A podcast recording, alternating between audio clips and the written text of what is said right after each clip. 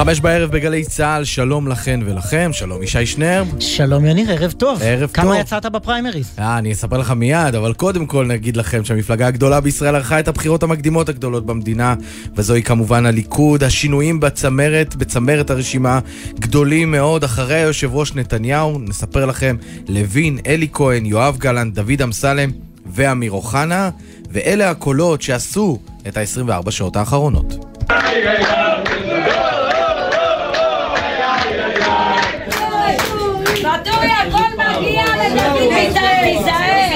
בוא נאמר כך, מה אתה רוצה לשמוע? רשימת חיסולים? אז כן, חיים כץ אה, חיסל אותי ברשימה.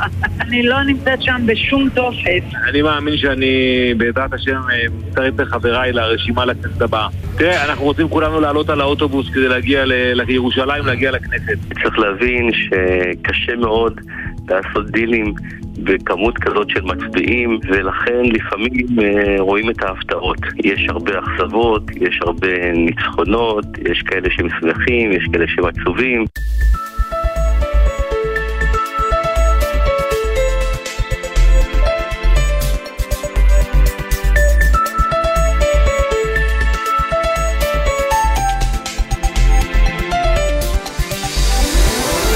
יומן סיכום השבוע עם ישי שנר ויניר קוזין.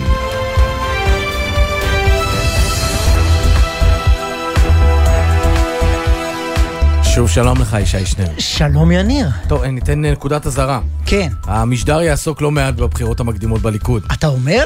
אני... טוב, התוצאות האמת הגיעו ממש עכשיו. בדיוק, אני מתריע. לפני משהו כמו שעה? שעה, שעה כן. קלה, כמו נכון. שאוהבים להגיד אצלנו ברדיו כשרוצים להסוות. שזה שעתיים בעצם. ו- ויש כמה סיפורים מאוד מאוד מעניינים. היו טענות כבר אתמול שהרשימה הפכה ביביסטית ודחקו החוצה את כל מי שהוא לא מנאמני נתניהו. זה לא בדיוק מדויק, אבל כן, הגוון של, אה, נקרא לזה אנשים שיותר נאמנים לנתניהו, התקדמו. אנשים נכון. שהיו פעם הגוורדיה הוותיקה בליכוד, דורדרו לאחור, חלקם מצאו את עצמם בחוץ. כמו צחי הנגבי למשל, ככל הנראה מחוץ לכנסת, אה, וכמה התפתחויות מאוד מעניינות. מה הכותרת שלך מהרשימה הזאת? שעולם כמנהגו נוהג בכל מה שקשור לליכוד. הליכוד, בגלל שהיא מפלגה חיה, היא עושה את זה פעם בכמה שנים, פעם בעשר שנים. היא מנקה את הגוורדיה הוותיקה, הייתה גוורדיה ותיקה אחרת בעבר, מוציאה אותה, מפרישה אותם החוצה בצורה כזו או אחרת, משנה את פניה, דוחפת קדימה. בזה אין חדש. מה שמעניין באמת זה שבחמישייה הראשונה יש חמישה אנשים שחרטו על דגלם קודם כל להיות אנשים שהם לימינו של אה, אה, נתניהו באופן הכי אה, מובהק וברור. ולכן זה מסייע להם. אנשים, ואז אתה רואה את זה, אנשים שפחות ופחות יורדים ברשימה, ולדעתי זה מה שמעניין, אבל הליכוד כמפלגה באמת שחיה, אין לנו מה להתפלא, הם עושים את זה פעם בכמה שנים. מי שהיה ותיק, מי שהיה חזק, הולך אחורה. והפרצופים החדשים מתקדמים. אבל תסביר לי רגע את ההבדלים. אני רואה, למשל, הזכרת את האנשים בצמרת, יואב קיש, ששודרג מאוד מאוד ונכנס לעשירייה הראשונה. הוא עד לפני משהו כמו שנה, שנה וקצת, קידם את גדעון סער נגד נתניהו. הוא היה ממש המוציא והמביא של גדעון סער בכנסים הפוליטיים בתוך הליכוד נגד נתניהו. אז קודם כל זה היה לפני שנתיים וחצי. לו. שנתיים וחצי כבר עברו? שנתיים וחצי, דצמבר לא 19. יאמן, ועדיין הזיכרון צריך להיות מאוד מאוד קצר כדי לשכוח את זה. ולעומת זאת, את ההרפתקה של אה, אורלי לוי מחוץ למפלגה, במחוזות השמאל, אה, לא, אף אחד לא שכח לה, והנה היא נדחקה למקום לא ריאלי. אני יכול להסביר את זה בקלות, בעיקר אה, סביב מקרה יואב קיש. אמרת, לפני שנתיים וחצי הוא הוביל את גדעון סער, היה לו איזה חצי שנה של שקט, ובשנה, שנה וחצי האחרונות באופוזיציה, הוא מה שנקרא שינס את מותניו, והפך להיות מלא מלא במחנה של נתניהו, ברמה כזאת שהוא מעביר לילות שלמים כשיריב לוין לא יכול, הוא למעשה מרכז האופוזיציה, הוא המוציא והמביא של כל מיני דילים ותרגילים, והוא חתום על כמה כאלה בקדנציה האחרונה, בעוד אורלי לוי פחות, הרבה פחות. חשבתי שתשאל אותי על יולי אדלשטיין. זאת אומרת, או. למה לאוד- ל- על אדלשטיין לא, לא סלחו? אז לאדלשטיין זה מעט מדי מאוחר מדי. פה זה מהלך פוליטי לא מוצלח. אדלשטיין הודיע שהוא יתמודד מול נתניהו, חזר בו? חזר בו ממש רגע לפני שהתחילו הבחירות המקדימות, או אפילו אחרי שהם החלו, וזה מעט מדי ומאוחר מדי, מאוד קיש, מה שנקרא חרט על גופו, שהוא רק רק עם נתניהו, וזה ישתלם לו.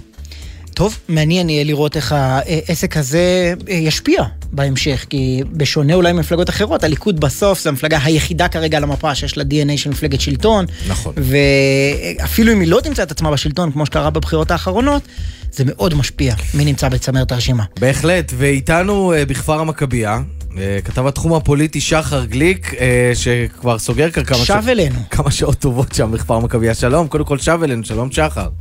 שלום לשניכם. התגעגענו. כן. אז אה, גם אנחנו התגעגענו כאן בכפר המכבייה, אחרון הפעילים, וזה הרגע עוזב, אורז את חפציו ויוצא, לפני שעה באמת סיימו לספור כאן את הכל. יש תמונה ברורה. בקיצור, כמו תמיד, הגל"צניק נתקע שם אחרון. כן, בדיוק. העסק התקפל ואתה עדיין שם כדי לדווח לנו, אוקיי.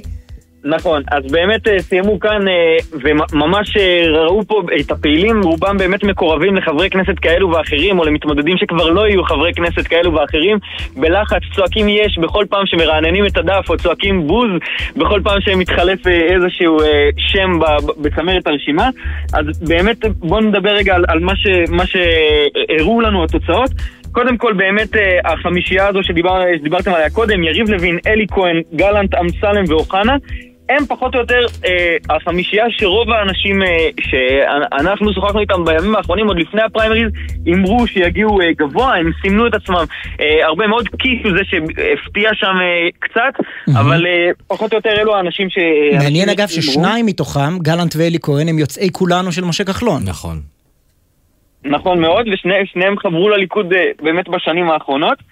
אחד הקרבות המעניינים שסקרנו פה את כולם, כל רגע התחלף אה, המיקום, הוא באזור דווקא המקום בין ה-21 ל-24 אה, ברשימה המקורית.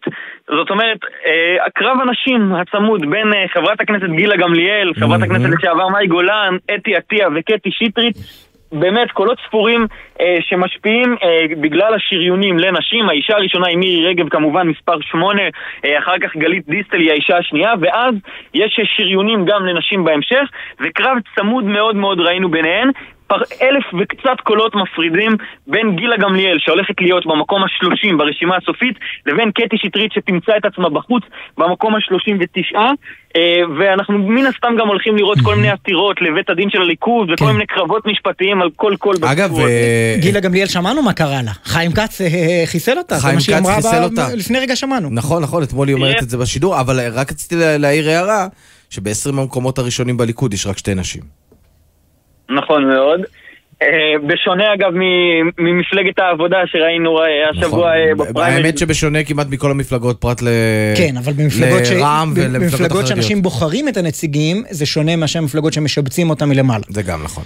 נכון. עכשיו, בעיקרון, רק 24 הראשונים שהגיעו, למרות שלליכוד צפויים אה, 35 מנדטים על פי רוב הסקרים, רק ה-24 הראשונים ברשימה הזו הם אלו שייכנסו. כי כל השאר אה, הם אה, שריונים, או שריונים של נתניהו, או משבצות שמיועדות למחוזות, משבצות שמיועדות לאישה, אה, אה, לאישה חדשה, משבצ... כל מיני משבצות כאלה, ולכן ה-24 הראשונים הם אלו שנכנסים, אבל מספר 25, חבר הכנסת צחי הנגבי מוצא את עצמו בחוץ, יחד עם עוד שלושה חברי כנסת מכהנים, אה, קטי שטרית, קרן ברק ואורלי לוי אבקסיס. כי נגיד, ש, ארבעתם- נגיד שבשקלול, אה, אה, שחר, אני, אני קוטע אותך, כי בשקלול עם כל המחוזות, אז קרן ברק היא במקום 48, כן? זה צחי הנגבי במקום 46, כך שגם אם יש פה נורבגי, צריך פה נורבגי כפול ומכופל כדי להכניס את וצחי הבחירה. הנגבי, אם אכן מוצא את עצמו מחוץ לכנסת, זה לראשונה מזה יותר מ-30 שנה לדעתי. כן. לא, לא היה... לראשונה, לדעתי היו לו כל מיני יציאות. אה, ב- כמובן, במערכת כמובן, היו לו. יציאות. במקומות אחרים, אבל אה, אה, מפלה פוליטית אה, שכזו, אה, זאת באמת מלווה את הכנסת המון שנים. נכון, אז באמת ארבעה חברי כנסת בחוץ. עכשיו, אם דיברנו על אלה שיוצאים, אז יש כאלו שיצאו, אבל חוזרים אלינו עכשיו דרך המשבצות ששמורות, ששמורות אה, למחוזות. יש הרי אה, באמת אה, משבצת שמשוריינת למחוז, זה מי שלא כיהן בכנסת, אבל אם כיהנת בכנסת פחות משנה, אתה יכול לחזור ולהתמודד באותן אה, משבצות, ולכן אנחנו הולכים לראות שוב בכנסת הקרובה גם את חבר הכנסת ניסים ואטורי שהיה פה... שהולך להשתבץ אחרי שהוא נבחר ב- אה, בגליל והעמקים.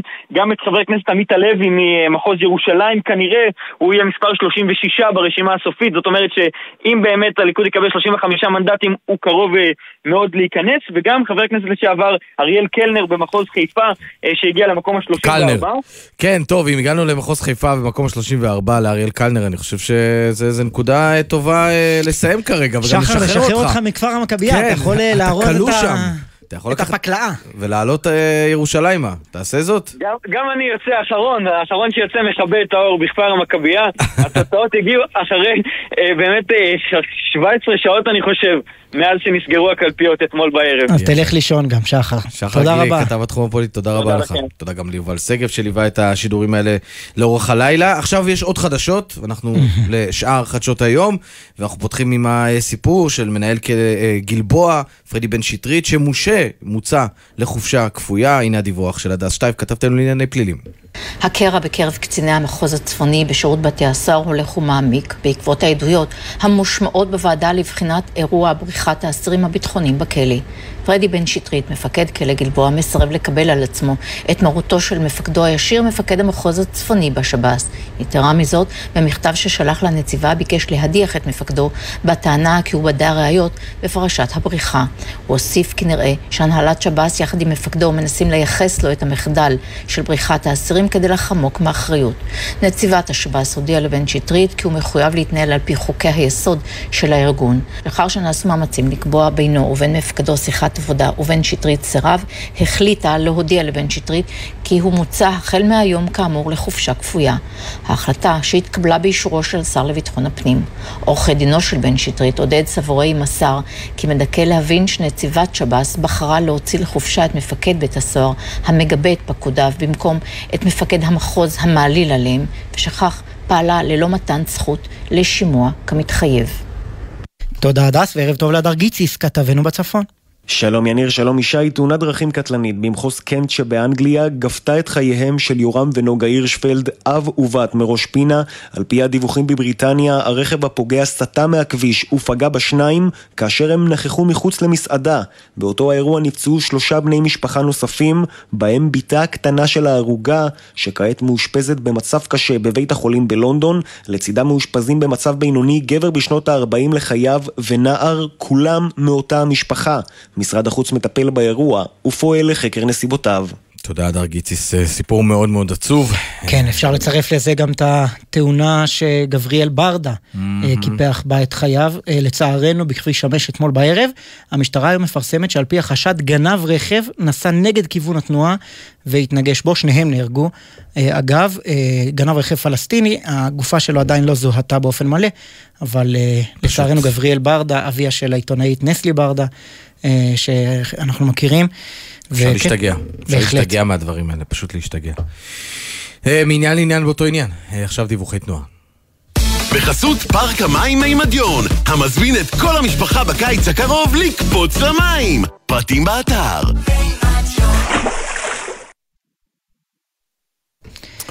טוב, אה, ואלה דיווחי התנועה, כביש מספר 22, אה, 22 עמוס, אה, 22, סליחה, עמוס מחיפה עד מחלף עטה, דרום בגלל תאונת דרכים, כביש אה, 6 לצפון עמוס ממחלף בן שמן עד עין תות, כביש החוף עמוס לצפון ממחלף חוף השרון עד ינאי, עמוס מאוד אגב, חמישי הזה. כביש גאה לצפון עמוס לסירוגין, מגן רבה עד מורשה, כביש מספר 40 עמוס ממחלף שערי עד ירקון, איילון צפון עמוס, ממחלף קיבוץ גלויות עד מחלף גלילות מזרח, וזה ממש לא הסתיים. כביש מספר 5 עמוס מגלילות מזרח עד הזכרנו. קסם, כן. איילון דרום הופרד מאיילון צפון פה בדיווחים. אה, זה קורה איילון לעתים. דרום עמוס מרוק אחת לגוארדיה, כביש ירושלים תל אביב, כביש אחת, עמוס בשני הכיוונים, בין גנות לבין קיבוץ לא גלויות. התאפקת, רצית גם אתה קצת. גנבתי לך קצת, שיהיה, דיווחי תנועה, של מה לך ברדיו.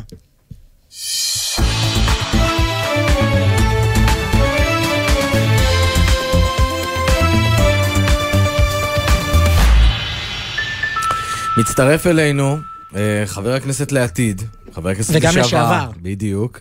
אה, ניסים ואטורי, מקום אה, 21 בליכוד, אה, מחוז אה, גליל ועמקים, שלום לך.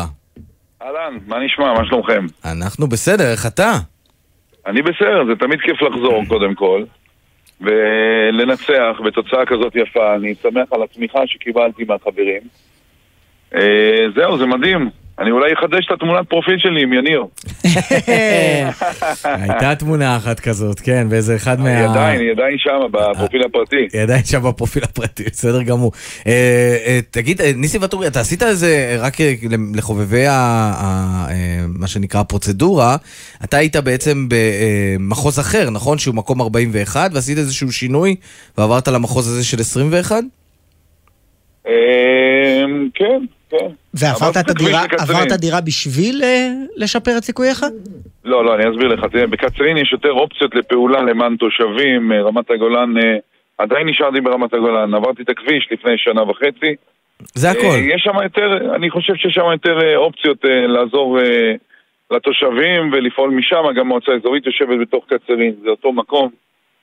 זהו, מה שנוכל לעשות למען עם ישראל נעשה, ולא משנה איפה אני גר. טוב, תסביר לנו איך, אה, את, איך אתה מבין את החידושים ברשימת הליכוד, את הוותיקים שהידרדרו ואת החדשים שהשתדרגו. אני חושב שמי שנמצא בעניינים יודע שזה היה יכול לקרות, וזה קרה. אה, רשימת הליכוד היא מתחדשת, היא רעננה. אנחנו הולכים לנצח בענק, יש חבר'ה מצוינים שהגיעו, חדשים, יחד עם אה, ישנים וטובים שהם מצטיינים. אז זה- אה, אז זה כן, הזמן, אז זה הזמן לשאול לא אותך, מה אתה מתכוון כן. לעשות עם הכוח החדש שצברת? הכוח החדש, לפעול למען אה, עם ישראל, כמו שאני יודע, כמו שמי שזוכר את הפעילות שלי אה, יודע לאן אני הולך ולאן אני שואף. אני חושב ביחד יש לנו מפלגה מצוינת, וביחד נפעל, נפעל למען עם ישראל. בעבר, כאשר אה, כיהנת, כחבר כנסת, אה, צייצת ככה, החוק הצרפתי הינו חוק ראוי ללא קשר לזהות של ראש הממשלה, לא ייתכן מצב שבו פקידים שולטים במדינה למרות שלא נבחרו מעולם. אני אקדם חוק כזה בכנסת הבאה. גם בכנסת הבאה? תראה, זה היה אז, אה, לא, כרגע אני אמרת חושב... שמי שזוכר את הפעילות שלך, יניר רגע. זוכר. כן, אני זוכר הכל. והפנקס רושם. בדיוק. העניין הוא כזה, אה, קודם כל אני נגד זה שפקידים משתלטים על, אה, שיל, על השלטון, בעצם אנחנו צריכים פה משילות, צריך להיות ראש ממשלה. הפעם אנחנו הולכים אה, להיכנס עם ממשלה, עם משילות אמיתית, גם ב- ב- ב- מבחינה ביטחונית באזור הנגב והגליל.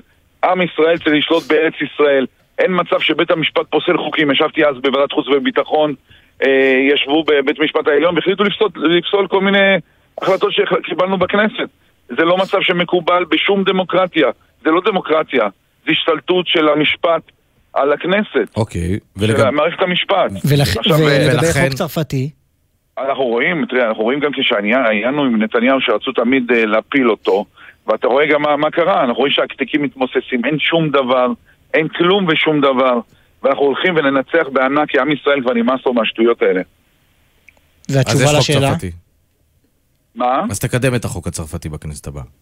אני לא יודע, לא עוסק בזה כרגע. זה לא כרגע בראש מעייניי, תן לי, עכשיו אנחנו פועלים כדי שהליכוד יגיע לשלטון בצורה ענק, אה, אה, גדולה ו- ובאמת עם אה, כוח שנוכל לשלוט כמו שצריך. למדנו משהו בשנה האחרונה. אם אנחנו לא נשתפר, אנחנו נפסיד את המדינה הזאת. ועם ישראל צריך להיות מאוחד ביחד, כולנו ביחד למען מדינת ישראל. אם לא יהיה משילות, לא יהיה לנו כלום כן. במהלך. אז אמרת, אתם צריכים באמת אה, לראות איך אתם מקימים את הממשלה הבאה, ועוד אה, אה, משפט אה, מעניין שלך שאמרת, עת החלו המשאים ומתנים הקואליציוניים בסוף הבחירות הקודמות, אמרת על אה, המפלגות הערביות, אפשר להשתמש בהן אבל לא להסתמך עליהן. אה, מה זה אומר, והאם אפשר לעשות את זה גם הפעם? לא, אנחנו לא נצטרך אותם, כי עם ישראל יודע היום, המצביעים של הליכוד יחזרו ויבינו שהשלוש מאות אלף האלה שישבו בבית, אם הם לא יקומו, לא, לא תהיה ממשלת ליכוד. העובדה היא שהשתמשו בהם, זה לא היה במסגרת הליכוד, הליכוד לא היה בשלטון. אנחנו הולכים לשלוט באופן מלא. נתניהו ראש ממשלה, לא, אבל במקרה, אבל אתה יודע, ניסים. ואטורי, אתה יודע שזה, כן. שזה היה, זה לא הצליח, ויש סיכוי, לא, לא מאוד גדול, אבל בסדר, אבל יש סיכוי שאולי לא יהיה את ה-61 ההומוגנים האלה. השאלה אם באמת אפשר להשתמש בהם, אבל לא להסתמך עליהם, כלומר, אה, להפוך אותם לאיזשהו חברים בתוך הקואליציה הזו. לא, לא, אין מצב, אין מצב. או תומכים. מבחוץ. או תומכים מבחוץ, בדיוק. תראה, כרגע צריך ממשלת ליכוד, אה, חירום, ליכודית, מטעם הליכוד, עם, עם 61 אנחנו נגיע ל-63 מנדטים בתוך כל הגוש הזה. עם ישראל מתעורר, עם ישראל הולך ולנצח. לנצח, אבל, אבל אחרי שהפסדתם את השלטון ישראל. בפעם שעברה, אתה כתבת, יש להודות בכנות, המגעים עם מנסור עבאס היוו טעות אסטרטגית קשה שלנו, מוטב לומר זאת מאוחר מאשר לא לומר זאת אף פעם. כן, נכון, אני חושב שזה טעות, לא צריך לבנות על הדברים האלה. אין מה להסתמך עליהם. המגעים שהיו שה- של נתניהו ומנסור עבאס היו אני לא טעות? אמרתי נתניהו, אני לא אמרתי נתניהו, היו חברים שחשבו שאולי אפשר לנהל משא ומתן כזה. מאיזה חברים דרך לא אגב? מי- דיבר איתם בכלל עם מנסור עבאס? אני לא יודע, לא, זה לא מעניין אותי כרגע. תקשיב, אני אומר לך עוד פעם, אנחנו הולכים בעוצ- בצורה הומוגנית, כגוש אחד, כדי להנהיג את המדינה הזאת בצורה הכי נכונה שיש, להילחם ב- ב- במערכת משפט, לחדש אותה, להקים פה, תקשיב, אנחנו, יש לנו בעיה של, אתם ככתבים, אתם יהודים, ישראלים, אתם גרים במדינה הזאת, חיים פה, אתם יודעים שיש לנו בעיה בגליל, יש לנו בעיה בנגב, אנחנו הולכים, עם- אנחנו הולכים הפעם לשלוט... איך זה, איך, איך, איך אתם נוצרה? הבעיה לא, הזאת, אבל? אוקיי, מעניין גם לדעת איך... מאיפה היא כן, כן. הגיעה? מאיפה הגיע מה? מאיפה הגיעה הבעיה הזאת? באיזה שנים היא טפחה לכאלה ממדים?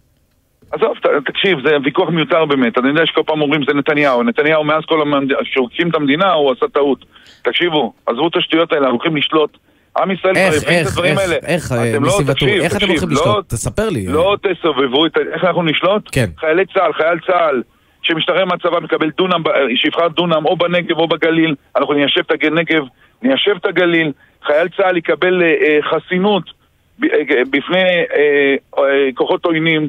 זאת אומרת, לא, לא יקרה מצב שחייל צה"ל, שולחים אותו לצבא, מגיע הביתה, כן, אנחנו שלחנו את הילדים שלנו, יש לי שלושה לוחמים ביחידות מובחרות, הם מגיעים הביתה, אומרים להם בואו, מעמידים אותם למשפט על שטויות. אם לחבר כנסת יש, יש חסינות, גם לחייל צה"ל יהיה חסינות. חבר'ה, יש לנו הרבה חוקים עשינו, אנחנו מתכוננים ו- לזה, ואיך לשיטתך. תחדשו את מערכת המשפט, כמו שאמרת? תראה, אה, אנחנו רואים איך זה קורה בארצות הברית.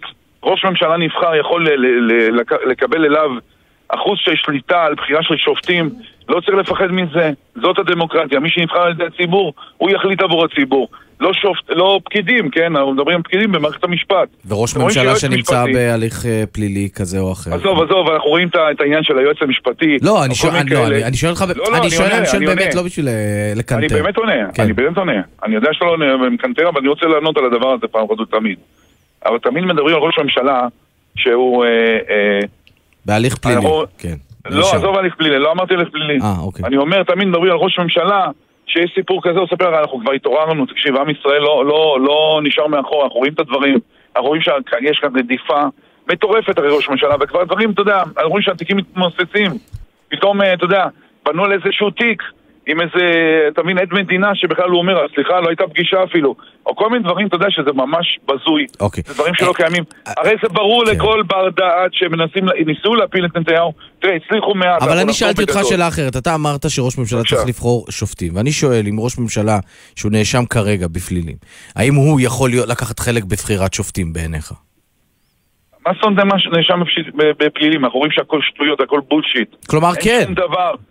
אני אומר, ראש ממשלה, אני לא מדבר כרגע על העניין עכשיו של נתניהו או לא נתניהו, אני לא, אומר, אבל- השיטה היא צריכה להיות אחרת.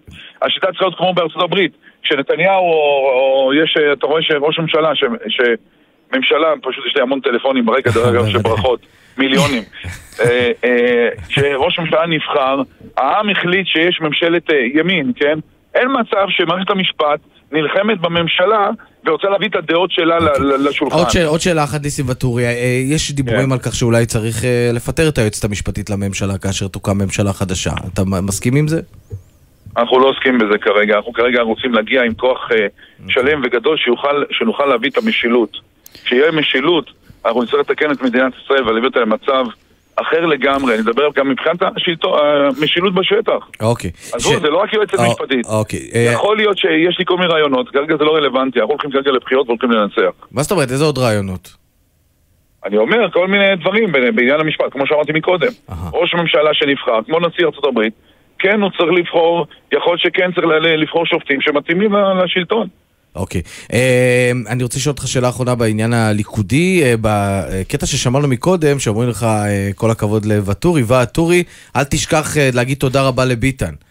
אז ביטן סייע לך. מה אתה חושב על כל המהלך של נתניהו סביב ביטן, סביב דודו לניאדו?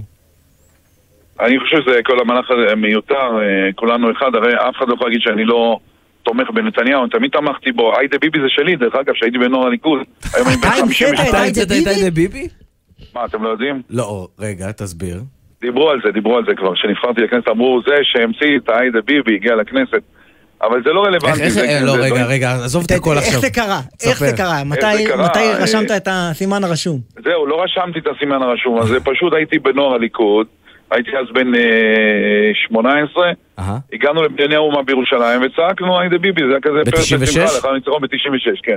אה, רגע, ו- ו- ו- ובאת ואתה אתה היית הראשון ואתה ואחריך כולם המוכבאו? מאחורי ה- הצירוף הזה? באתי עם הנוער, תשמעו, זה, זה, אני יודע שאתם מסתלבטים, אבל תבינו דבר אחד.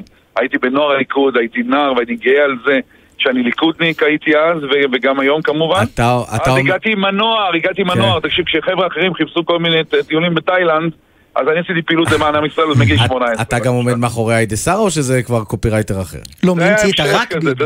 רק ביבי זה. בשנים האחרונות דחה קצת את ההיידה. כן. היידה זה קצת מיושן. אתה יודע. תראו, בואו בואו נהיה רציניים, אה, אנחנו רואים היום מוכח, אה, תראה, הרבה שנים אחרי, עדיין ראש הממשלה רלוונטי והכי טוב שהיה כאן ויהיה כאן, אוקיי. ואנחנו נלך קדימה וננצח. ניסים ואטורי, מקום 21 ברשימת כנסת אה, רשימת הליכוד לכנסת, אכן, אה, תודה רבה לך ששוחחת איתנו, שיהיה בהצלחה. תודה רבה לכם. וברכות, תענה לכל לכם. כן, המטלפנים. כן, זהו, בדיוק, נשחרר או, אותך. אני לא אספיק נראה לי. להתראות, רבה. תודה. אה, מאזין משה קלוגהפט, יועץ אסטרטגי לשעבר ויועצם של ראשי הממשלה בנט ונתניהו, שלום לך קלוגהפט. היידה חברים. זה מוח אסטרטגי להמציא את היידה ביבי. תראה אותך איפה אתה היית כשהמציאו. את היידה ביבי. אגב, זה, זה כמו עלות השחר, שאני תהיתי עם כמה תמלוגים שלום חנוך עשה בשבוע האחרון, קצת מזכיר לי את זה. איי איי איי, כן, טוב, אבל זה תמיד טוענים בצבא שיש איזה מחשב שבוחר את השמות. אה, נראה לי במקרה הזה אמרו דווקא שזה הפעם לא היה מחשב, אבל אה, בסדר. טוב, אה, את הסיכום שלך לבחירות המקדימות בליכוד, תצרף גם את מפלגת העבודה אם אתה רוצה, שהיה אתמול. שלשום כבר. אני חושב שיש קו אה, שמחבר בין אה, שתי מערכות הפריימריז האחרונות בעבודה ובליכוד. אה, נקרא לזה בחירות של דור המסכים. דור ה... לא משנה אם זה יוטיוב או טיק טוק או מסכי טלוויזיה, דור שבחרו בעצם אנשים של נראות, של עשייה, הרבה פחות כבוד לוותק, לדרגות, לרזומה. אני חושב שגם לא מקרי ש... אנשים שהיו שרים אה, ואולי קצת היו פרינססות בשנה האחרונה, אולי חשבו שהבחירות הבאות יהיו בעוד שלוש שנים. כשאתה מדבר על- על הליכוד שיצאו לאופוזיציה. כן, אה, אה, קודם כל, כבוד לדרגות זה גם, אתה יודע, מפקד סיירת מטכ"ל שמוצא את עצמו באי שם, ו- כן. ודובר צה"ל, שני דוברי צה"ל האמת שאני חושב על זה, אה, שנדחקים קצת, ובסופו של דבר, אתה יודע, אני, אני נתתי הרצאה לפני כמה ימים לחיילים, הראיתי להם תמ- תמונה של הזם הזם, שאלתי אותם אם הם יודעים מי זה, הם אמרו לי כן, זה ההוא מהישרדות. אז זה, זה ממש... זה שזה ממש לא לא. נכון, מה שנקרא. זה לא לא נכון, זה- אבל זה לא רק. כן, ו- כלומר, ו- העובדה שעומר בר-לב ונחמן שי וצחי הנגבי וגם הכצים, שני הכצים בליכוד ככה הידרדרו אה, משמעותית ביחס למה שהם, שהם היו אה, רגילים, אה, בעיניך מתפרשת כי יש מה, קהל חדש שמצביע לפי דפוסים אחרים? אני לא יודע אם זה קהל חדש, אבל זה דפוסים חדשים. כן, יש, אה, אתם יודעים, אה, אנחנו צוחקים על פוליטיקאים שבטיקטוק, וצוחקים, אה, או, או מדברים על הרבה פוליטיקאים שבאולפנים, אבל אלה שבסוף אה, מרגישים שהם נלחמים, אגב, גם לזימי מהבחינה הזאת זה, זאת עשייה וזו מלחמה, זו מלחמה מסוג אחר, אבל אני חושב שפחות משמעות לרזומה, לדרגות, למה שנקרא, אה, להראות אה, מאיפה באתי, ועכשיו עכשיו אני מוסיף לזה גם, לאווירת הטלנובלה הזאת, שהיא קצת מוגזמת בעיניי, בסוף על מי אנחנו מדברים שנדחק? אה, מאורלי לוי 13 שנה בכנסת, גילה גמליאל 19 שנה בכנסת, יולי אדלשטיין 26 שנה. טוב, הוא לא נדחק, הוא רק ירד, אה, הוא עדיין יהיה בכנסת הבאה. נדחק, כן. אני מתכוון, נדחק כן, אחורה. אוקיי. ישראל כן, כץ שנדחק פעם שעברה סיים אחורה, ראשון 24 שנה. בפריימריז, בוא נזכר. נפילה גדולה. נכון, היה, כן, וישראל כץ 24 שנה, וכמובן מי שבאמת נדחק החוצה, צחי הנגבי, שהוא 34 שנים בכנסת. אז ככה ש... אבל אתה יודע, אני, אני. אני, אני רוצה אה, לאתגר את, ה, את האמירה הזאת. כי למשל נגיד במפלגת העבודה, תומר אביטל, שהוא נורא חי ברשתות והוא כולו ברשת, הוא לא עולה למעלה. אז יכול להיות שבאמת המתפקדים הם הרבה יותר מה שנקרא עכברי כנסת, צופים בערוץ הכנסת, רואים את הרעיונות, שומעים את הנאומים, והם בוחרים אותם. והשאלה... שדחק- דחפת את הערוץ כן, הכנסת, אה, יפה. יפה, אני שמח לא. ששמת- לב אתה. אה, והשאלת המשך לעניין הזה, האם יש הלימה בין המתפקדים של המפלגות לבין מצביעי המפלגות? האם דעתם נחה מאיך שנראות הרשימות? קודם כל, לא סתם אני אמרתי נראות ועשייה.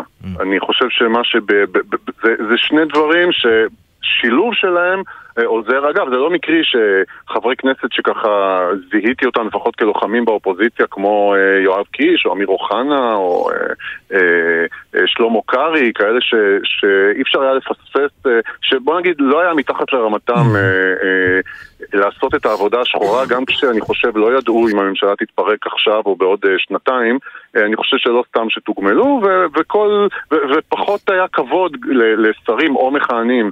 אה, בעבודה או לשעברים בליכוד, אה, זה, זה מה שאני מתכוון כבר לא קריטריון. אני חושב שמה שמאפיין דור רשתות זה דור שהוא באמת עם אה, זיכרון יותר, יותר לטווח קצר. האם יש הלימה בין מתפקדים לבין מצביעים? התשובה היא בגדול לא. לא, כי מתפקדים זה אנשים שהם הרבה יותר מעורבים, כמו שאתה אומר, הרבה יותר עכברי אה, אה, כנסת, ומצביעים בסוף זה ציבור שהוא, הרי, הרי בואו, אנחנו אפילו לא, לא מחפשים את המצביעים, בסוף כן. המטרה של אה, רשימה היא למצוא את המתלבטים. זה בסוף מה שמעניין, אנחנו בשפה שלנו קוראים כן, לה כי הרי. הרי היושב ראש מביא בעצם את רוב המצביעים, אפילו במפלגות אה, אה, עם פריימריז. והאנשים מצביעים בשביל היושב ראש, לא, ב- בדרך כלל לא בשביל הרשימה, ו, וה, והעוד גרוש ללירה מוסיפים אה, נציגים של כל מיני אה, מגזרים קטנים יותר, או אנשים שיש להם איזה קהל אה, שהולך אחריהם. זה בעיקר חומר למפלגות האחרות, בוא נגיד את האמת. הרשימה היא. חומר ב- בידי יוצר של- של הקמפיינר מהמפלגה האחרת. בדיוק, יש פה, קודם כל נמנעו כמה אה, פיגועים הסברתיים לנתניהו, אה, כולנו מכירים, מי שנדחק ומי שלא לא אושר לו שירוץ, אה, זה בהחלט משמעותי, אין ספק שמפלגות אחרות יושבות עכשיו על הגוגל ו, או על, בדרכים אחרות כדי לעשות תחקיר על כל אחד ועל כל אמירה שאמר מניסים ואטורי ועד... טלי גוטליב ואחרים, אה, כאלה שיש להם אה, ארכיון אה, מעניין ומחפשים את זה, אבל בסופו של דבר ההצבעה היא הצבעה חד משמעית ל- לראשים, ובטח כשמדובר בנתניהו, זה הצבעה לראשים. כן, אני חושב שיש משמעות לתמהיל, ולמשל בליכוד, זה שיש שתי נשים ב-20 הראשונים, כן, תק- אה, מתקנים אותי חברים בליכוד שאומרים עם עידית סילמן שכנראה תשוריין זה. יהיה שלוש. עם עידית סילמן יהיה שלוש, ואגב, יש עוד... אגב, שירים אתה מעריך ב- שהיא 20 האלה. אכן תשוריין, אה, קלוגב? אני מעריך שכן, ו- ואני אני חושב שיכול להיות שנתניהו גם ישריין את השריון הנוסף שב-20 הראשונים, נדמה לי מקום 14, אה, גם לאישה, ואז את שיקלי אולי ישים מאחור, לא יודע, זה, זה, הפתרון היחיד בעצם האפשרי, כן. כי כרגע בעצם יש שלוש, כולל סילמן, אה, מתוך 20 ראשונים. גם זה אגב, בסוף... אה, זה גם לא שיקול הצבעה, זה יותר נראות, אה, כמו שאגב, כל, כל הנושא הדמוקרטי שאנחנו חוגגים עליו בשלושה ימים האחרונים, הוא בסוף, אה, אני כמעט לא מכיר בן אדם שהולך להצביע בגלל ש... ב, ב, או בוחר את ההצבעה בגלל שיאיר לפיד בוחר אותם על פתק ובני גנץ על פתק אחר ובליכוד יש בחירות, בסוף לא זוכרים את הדברים האלה כשבאים להצביע. אה, כן יש משמעות לאנרגיה, כן בוודאי יש משמעות למה שנקרא לחגיגה הדמוקרטית שקרתה, שמביאה אבל השאלה היא אם. אם בעקבות האירועים האלה, גם בעבודה וגם בליכוד, יש אה, משתנה מפת הגושים בצורה כזאת שאפשר לראות ממשלה באופק, כן או לא? תגידו, לפני שבוע היה פה מבצע, אתם זוכרים משהו? עלות השחר? אה, בינתיים זה- שהגענו לשקיעת החמה. כן, זה, זה, האם זה יכול לשנות מנדט לפה, מנדט לשם? זה יכול. המבצע שינה בחלק מהסקרים מנדט אחד לגוש אה, אה, שלא ביבי. אה, פה זה יכול אולי להוסיף איזה מנדט לליכוד פשוט כי אנחנו מדברים על הליכוד, כן. ומדברים על העבודה, והאם יש לזה משמעות בעוד חודשיים וחצי? ממש ממש לא. מעניין, משה קלוגפט, יועץ האסטרטגי, לשעבר יועצם של ראשי הממשלה בנט ונתניהו, תודה רבה לך. ביי ביי. אנחנו יוצאים תשדירים, ואז נרחיב קצת אה, מה שהוא אמר, שעושים גוגל על ה- על החדשים. כן, תעשה גוגל. עשינו קצת, על כל מיני.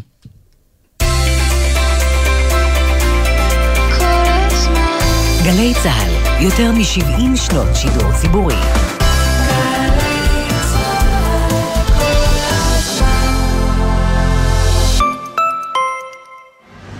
חם לכם בחוץ?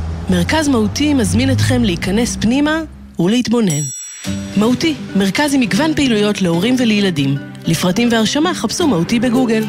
מהותי, פעילות עם מהות. שלום, כאן ענבל מיד ושם. אני מזמינה אתכם להלך בחצרות בקעת הקהילות, לצפות ביצירות האומנות שנוצרו במסתור, לשמוע את הסיפורים האישיים, להתבונן בחפצים ובמסמכים ששרדו, לגלות את דרכי ההתמודדות של היהודים. אתם מוזמנים לביקור ביד ושם, הכניסה ללא תשלום. פרטים באתר ידושם.org. אתם מוזמנים להצטרף ליותר מ-50 אלף סטודנטים המשלבים את התואר במסלול החיים. האוניברסיטה הפתוחה מובילים להצלחה. כוכבית 3500, ההרשמה בעיצומה. עיריית אשקלון מזמינה אתכם לפסטיבל בריזה אשקלון. שלושה לילות של מופעים עם מגוון אומנים. מ-15 עד 17 באוגוסט באמפי פארק החדש באשקלון. כרטיסים באתר זאפה. נתראה באשקלון. את חולמת להיות מהנדסת? אתה חולם להיות מהנדס? עדיין לא מאוחר להירשם ללימודי הנדסה בעזריאלי, מכללה אקדמית להנדסה בירושלים. לפרטים כוכבי 9087. עזריאלי, עזריאלי, מכללה אקדמית להנדסה, ירושלים. אבא, איפה אתה? מרכז יום לאזרחים ותיקים. לא תאמין מה יש כאן. אזרחים ותיקים, אנחנו פה למענכם. ב-180 מרכזי יום דואגים לכם בליווי צמוד של עובדים סוציאליים, אחיות ופיזיותרפיסטים, לצד פעילות חברתית תעסוקתית. חוגים, סדנאות, ריקודים, ריפוי בעיסוק והתעמלות בריאותית. יש גם ארוחות חמות, הסעות ו... בקיצור, רק תבואו, כי הכי טוב יחד. מידע במוקד משרד הרווחה והביטחון החברתי, 118 או באתר. שאלות אישיות. שמעון אלקבץ בשיחה אישית עם שייקה לוי על חייו, פועלו ותרומתו לעולם התרבות הישראלי. שרתי בשביל לשרוד, בשביל שיהיה לי משהו. אתה יודע, אתה מחפש להיות טוב במשהו. אז יש כאלה שטובים בלהרביץ ויש כאלה שטובים באני לא יודע במה, אבל אני ידעתי לשיר. שבת, שמונה בבוקר, גלי צה"ל. יש בי אהבה והיא תנצח. יש בי אהבה, שירי האהבה הגדולים של ארכדי דוכין במופע מיוחד לט"ו באב. אורחים מתי כספי, ריק יגאל ואמיר דדון. מי אוהב אותך יותר ממני? מחר, שתיים בצהריים, בית האופרה, המשכן לאומניות הבמה תל אביב, ובשידור חי בגלי צה"ל. עכשיו בגלי צה"ל, ישי שנר ויניר קוזין. הנה קישבתם 5.36. בהחלט, וכדרכנו בקודש ובחול, זה הזמן לבדיקת עובדות.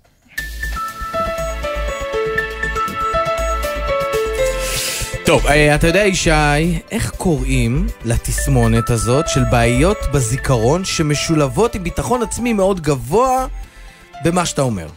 אה, בדיוק שכחתי איך קוראים לזה. כי יהיה לך ביטחון עצמי גבוה. ובכן, קוראים לזה פריימריז, כן. עונת הבחירות המקדימות במפלגות השונות בעיצומה, ואנחנו רוצים להתעכב על כמה אמירות פחות מדויקות ששמענו. רגע, יניר, אתה רוצה לרמוז שלפעמים פוליטיקאים שמנסים להיבחר לתפקיד מסוים לא אומרים דברים מדויקים? אני יודע, זה קשה להאמין, אבל הנה בכל מקרה, הראשונה. עורכת הדין טלי גוטליב במקום ה-25 בליכוד, ברכות אגב. הבוקר בריאיון לאודי ודוריה כאן בגלי צה"ל, שאלו אותה על התבטאויות שלה למען עברייני מין, והיא הכחישה למשל שהגנה בעבר על אלון קסטיאל. באמת חבל שלא טבעתי את עיתון הארץ ואת הצינור, שמייחסים לי ציטוטים שגויים. אוקיי, אז בואי- אז בואי והכל תתקני, לא אמרת. שנעשה עוול לאלון קסטיאל? אלון קסטיאל הורשע בדין. אבל לא אמרת את זה עליו? לא אמרת שנעשה לו עוול? שהמתלוננות בעצם בחרו לשכב איתו ואז התלוננו נגדו ו... לא, אני לא לא ייצגתי בתיק הזה. אבל כשהבעת את עמדתך לא אמרת שנעשה לו עוול? אף פעם? לא, לא, הבן אדם הורשע, הוגש נגדו כתב אישום. איזה ביטחון עצמי בתשובה, מעולם לא אמרה, חבל שהיא לא טבעה את הארץ והצינור. אז האם טלי גוטליב טענה שנעשה לאלון קסטיאל עוול, ושנשים שניהלו איתו רומן האשימו אותו בהטרדות? חזרנו לראיון איתה מ-2017, בוא תשמע. אלון קסטיאל, ראיתי אדם שנכבה מדיון לדיון. אדם שיצא לבלות, שאנשים חיפשו את קרבתו, עלו איתו הביתה והתלוננו עליו על עבירת מין. היום אגב הוא משוחרר, מה שמלמד ברמה המשפטית על חולשה של ראיות. נראה שאמרה גם אמרה בצורה כזו או אחרת. בהחלט. בוא נשאר בראיונות שהיו ממש הבוקר. הפעם, שר השיכון, זאב אלקין מתקווה חדשה כחול לבן, אצל בן וינון ב-103 FM. הוא טען שהמפלגה שלו מעולם לא התחייבה שלא לשבת עם רע"מ. קודם כל, אנחנו לא נקים ממשלה עם רשימה משותפת, אמרנו את זה אלף פעם. בסדר, גם אמרתם על רע"מ וישבתם איתם. לא, לא, אף פעם לא אמרנו על רע"מ. ואני יודע מה אמרנו, מה לא אמרנו, ועמדנו בכל מה שאמרנו. אז בבקשה, הביטחון העצמי הזה אף פעם לא אמרנו. הבעיה היא שהארכיון זוכר אחרת. הנה אותו זאב אלקין בערב הבחירות האחרונות, ממש לפני קצת יותר משנה. אמרתי לכם בצורה מאוד מאוד ברורה, ואמרנו את זה לאורך כל הדרך, אנחנו לא נקים ממשלה שתהיה תלויה בתמיכה מבחינת רשימה משותפת או רשימה אסלאמית. מה שיפה הוא שגם אז הוא אומר שהוא אמר את זה בצורה מאוד מאוד ברורה ולאורך כל הדרך. תמיד חשוב להיות ברור. נשאר עדיין במפלגתו של גדעון סער, שבינתיים התאחדה עם כחול לבן של בני גנץ, ונדבר על מי שערכה ועברה ליש עתיד. חברת הכנסת מיכל שיר כמובן, פעם יד ימינו של סער, והשבוע היא עוברת ללפיד, ואפילו תועדה אומרת לפעילי יש עתיד, כמי שבא מהצד השני, אתם האור. אתם זה האור. את המדינה למקום הטוב שצריכה להיות בו. כן, ונזכיר כמובן, עוד לפני תקווה חדשה, היא הייתה במשך שנים בליכוד, אז הנה לקט מאמירות עבר מעניינות שלה. מחר אתם עלולים לבכות כשיאיר לפיד, יאיר לפיד, ירכיב לכם את הממשלה. יאיר לפיד הוא זה שייאלץ לדבר עם טראמפ ועם פוטין. יאיר לפיד להתמודד עם עזה. יאיר לפיד, האם אנחנו בוחרים בממשלה חובבנית של גנץ לפיד, או האם אנחנו מצביעים עבור ממשלה אחראית שיודעת לטפל בעוצמה בכל האיומים? יאיר לפיד, יאיר לפיד. והיא היום חברת המפלגה שלו, אנחנו עלולים לבכות אם הוא ירכיב את הממשלה. אז איך אמרת, יניר, שקוראים לתסמונת הזאת של השכחה? פריימריזיטיס? אולי פשוט פוליטיקה.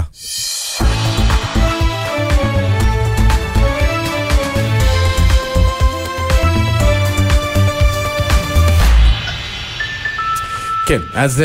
תראה, יניר. עסקנו פה כן, בשבוע שעבר בעוד מפלגה שלא עלתה על שולחננו דווקא הפעם בבדיקת עובדות. אה, בריאיון עם אורי זקי שאלנו אותו על אה, חשדות שפורסמו אה, בקשר למינוי שהוא מונה ליושב ראש מרכז הרצל, מי שמינה אותו קשור כמובן מונה על ידי רעייתו תמר זנדברג, והבוקר מתפרסמת בידיעות אחרונות עוד טענה לפרשה אולי במרץ, השר עיסאווי פריג', השר לשיתוף פעולה אזורי, אה, ממנה את בן זוגה של אה, חברת הכנסת גבי לסקי, ממפלגתו אה, לתפקיד במשרד לשיתוף פעולה אזורי, אחר כך ממשרת אמון הוא עובר שם לתפקיד מקצועי, מה שאמור להיות בעייתי מבחינת נציבות שירות המדינה. אבל הוא עובר ועדה של נציבות המדינה.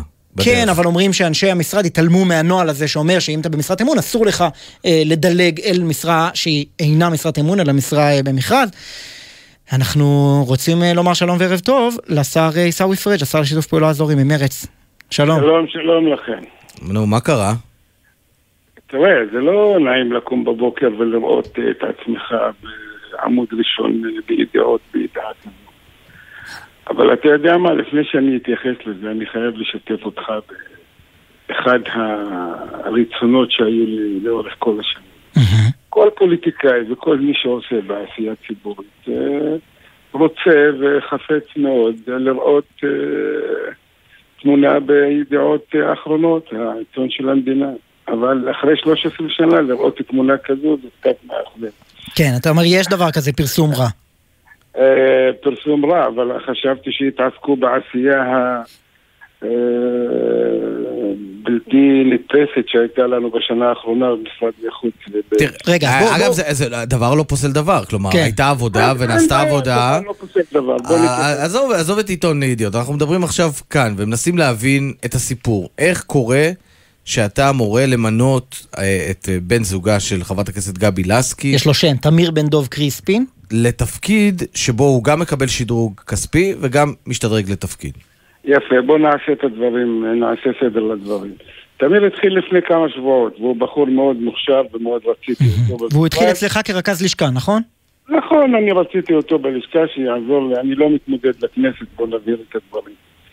אה, שיעזור לי, בחור מאוד מוכשר, והייתי מבסוט מזה. אנחנו מדברים על שכר של 5,500 שקל בלשכה, אדוני, בסדר? אז השכר נמוך, הייתה משרה שהתקיים עליה מכרז. והבנתי שאי אפשר למנות אה, ממלא מקום עד לבחירת אה, הזוכה במכרז. מי אמר לך שאפשר? אני ביקשתי, ועצם העובדה ששומרי הסף במשרד אישרו לי את הטענה, אמרתי להם תבדקו, אם אפשר, אבל אני רוצה לקדם אותו, כי אני חושב שהוא ראוי, ואני לא מסתיר את אה,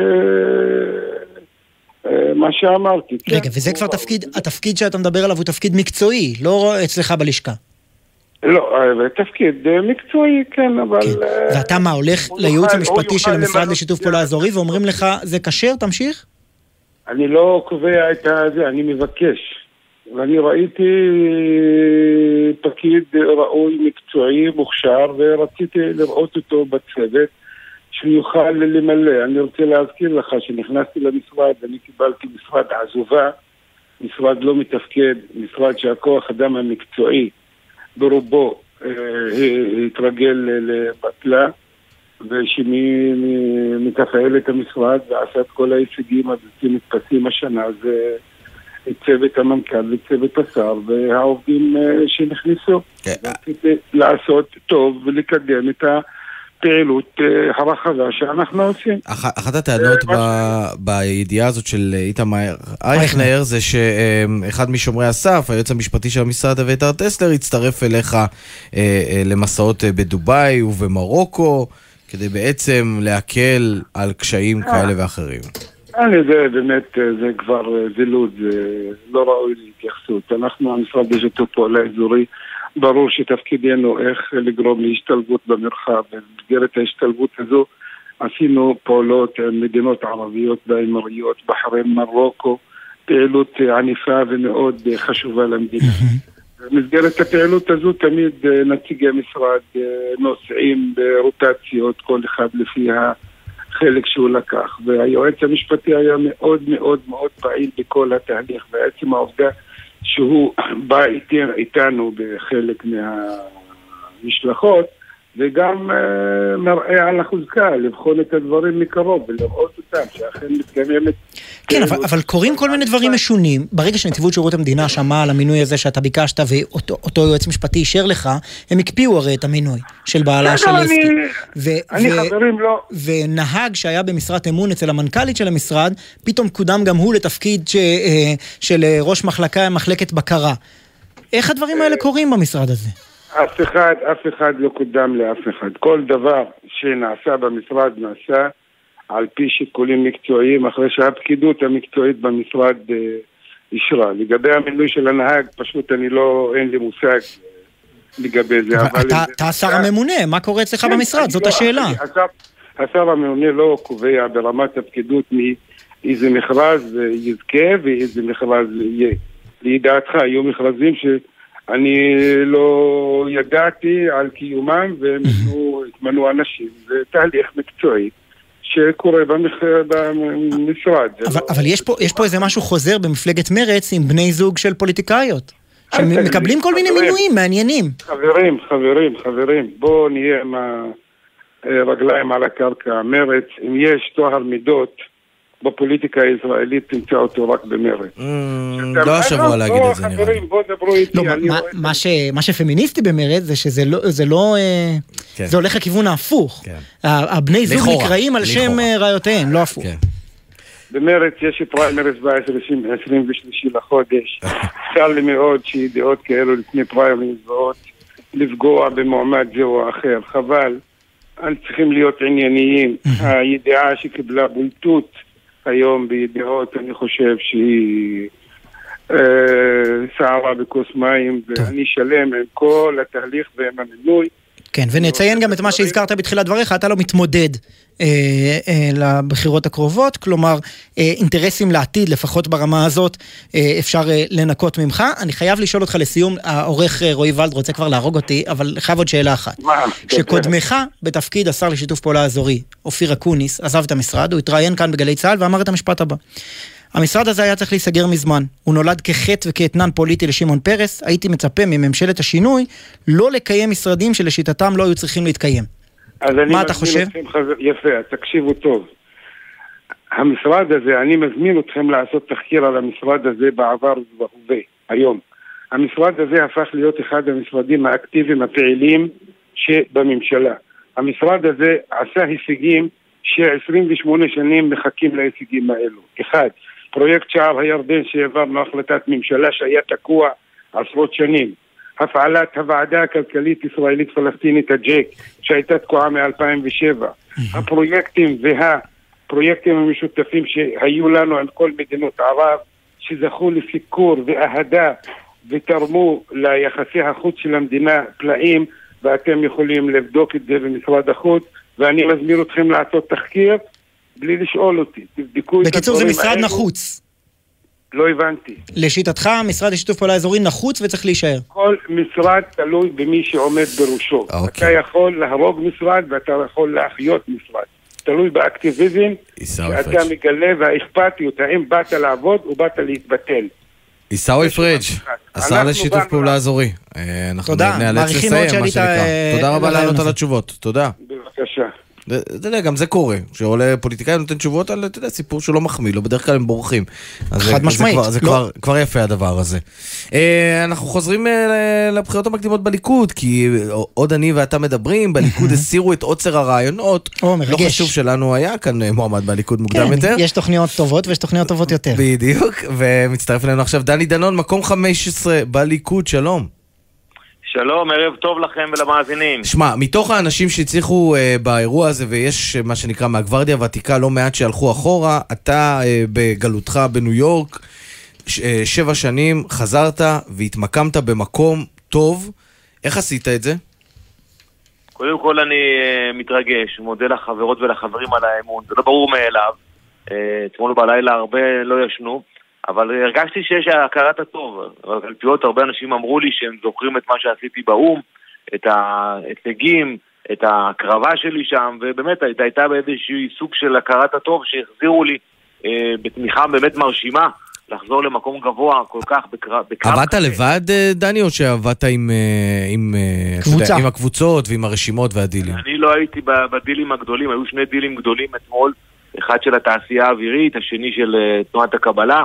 אני לצערי לא הייתי בשום רשימה גדולה, אבל זכיתי ל- לאמון של, הח- של חברים, תוצאה מרשימה מאוד, ובאמת אני מעריך את, ה- את ה- מה שנאמר לי תוך כדי ההתמודדות הזאת, שבאמת רוצים אנשים שיחזרו ללחום על הערכים, על זהות יהודית, כל הנושא של משילות, ואני באמת מתכוון לעסוק בנושאים האלו. איך אתה מבין, אגב, את אה, חילופי הגברי, חילופי הדורות במפלגה? זה טבעי, זה טבעי, הרי גם אלו שהיום, שהם חברים טובים שלי, שנדחקו, זהו, זה קורה פעם בכמה שנים, גם הם נדחקו בעבר. בדיוק, הם גם היו, היו פעם חבר'ה צעירים מבטיחים שהתקדמו אה, על חשבון כאלו שזזו אחורה. זה תהליך טבעי בכל מפלגה. אז תסלח לי על השאלה, אבל זה לא נכון גם לגביך? אה, קודם כל, מבחינת גילאית, אני אולי נראה מבוגר, אבל אני עדיין... לא, מה פתאום? עם כזאת רמת שיער אי אפשר לראות מבוגר, אה, דני אני לא. נחשב מה- מהוותיקים, זאת אומרת, מבחינה גילאית, אבל... בן כמה אתה?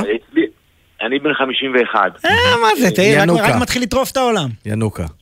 אבל בהחלט אצלי זה היה אירוע אחר, אירוע של קאמבק, של חזרה למגרש. אתה יודע, שבע שנים לא עליתי לשחק כדורגל באיזה מגרש, פתאום אתה חוזר, הקהל קצת השתנה, כללים אותם כללים, אבל באמת היה אירוע משמעותי. אבל אני חושב שהרשימה היא טובה, היא מגוונת, בניגוד למפלגות אחרות שהכל נראה אותו דבר, בליכוד יש הכל מכל, וטוב שכך, וגם היה אתמול מפגן עוצמתי של פתיחת קמפיין, בלי שהתכוונו לזה, אבל היה חם ולח, והגיעו אה, כמעט 80 אלף איש ל- להצביע. זה באמת מראה שיש התעוררות בשטח, וזה סימן טוב עבורנו לקראת הבחירות הכלליות. כן, זה סימן טוב עבורכם אה, כשאתה מסתכל על השישייה, השביעייה הראשונה של הליכוד, לדעתך זה משהו שיהיה קל ונוח לנתניהו אה, למכור אה, כרשימה מוצלחת? קודם כל, אני התכוונתי לתהליך. אה, אוקיי. שיצאו והצביעו, אני. מתכוון לתוצאה.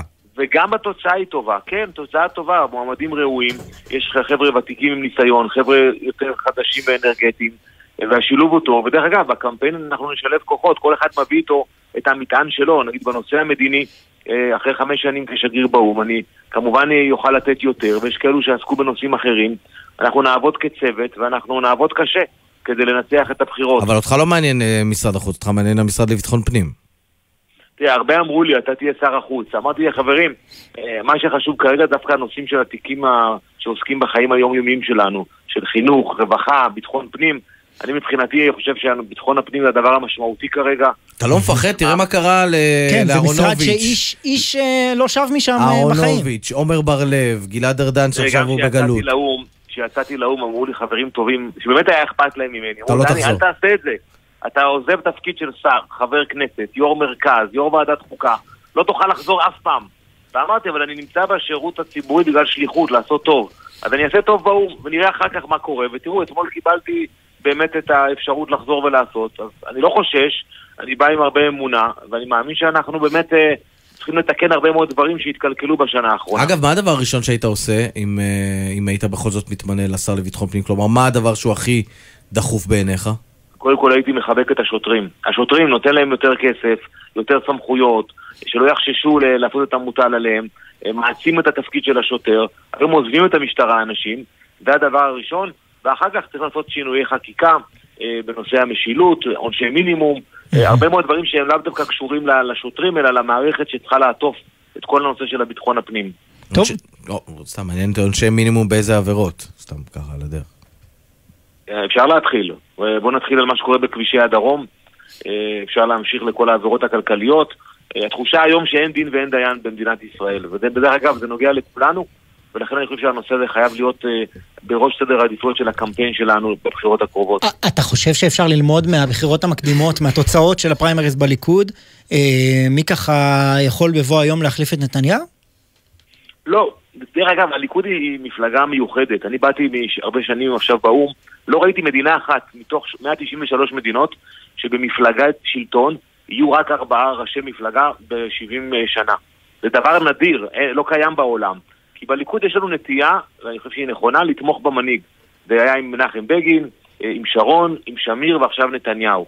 אה, תראו כמה מנהיגים התחלפו במפלגת העבודה. כן, אבל אני רוצה להזכיר שאתה עזבת לאו"ם אחרי שהפסדת לנתניהו בבחירות על ראשות המפלגה.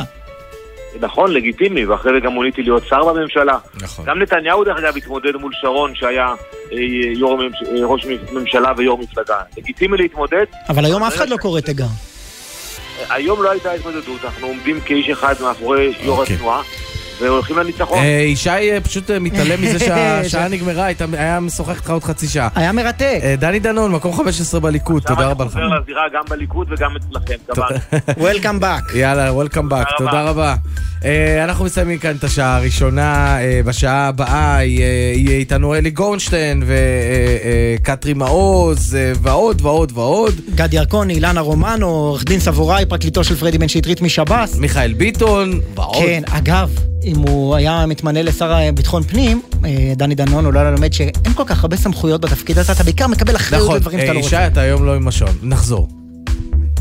בחסות מחסני חשמל, המציינת יום הולדת, ומציעה מגוון מבצעים והנחות על עודפי מלאי. שבוע יום הולדת במחסני חשמל. מה נשמע, נשמע, סוף השבוע,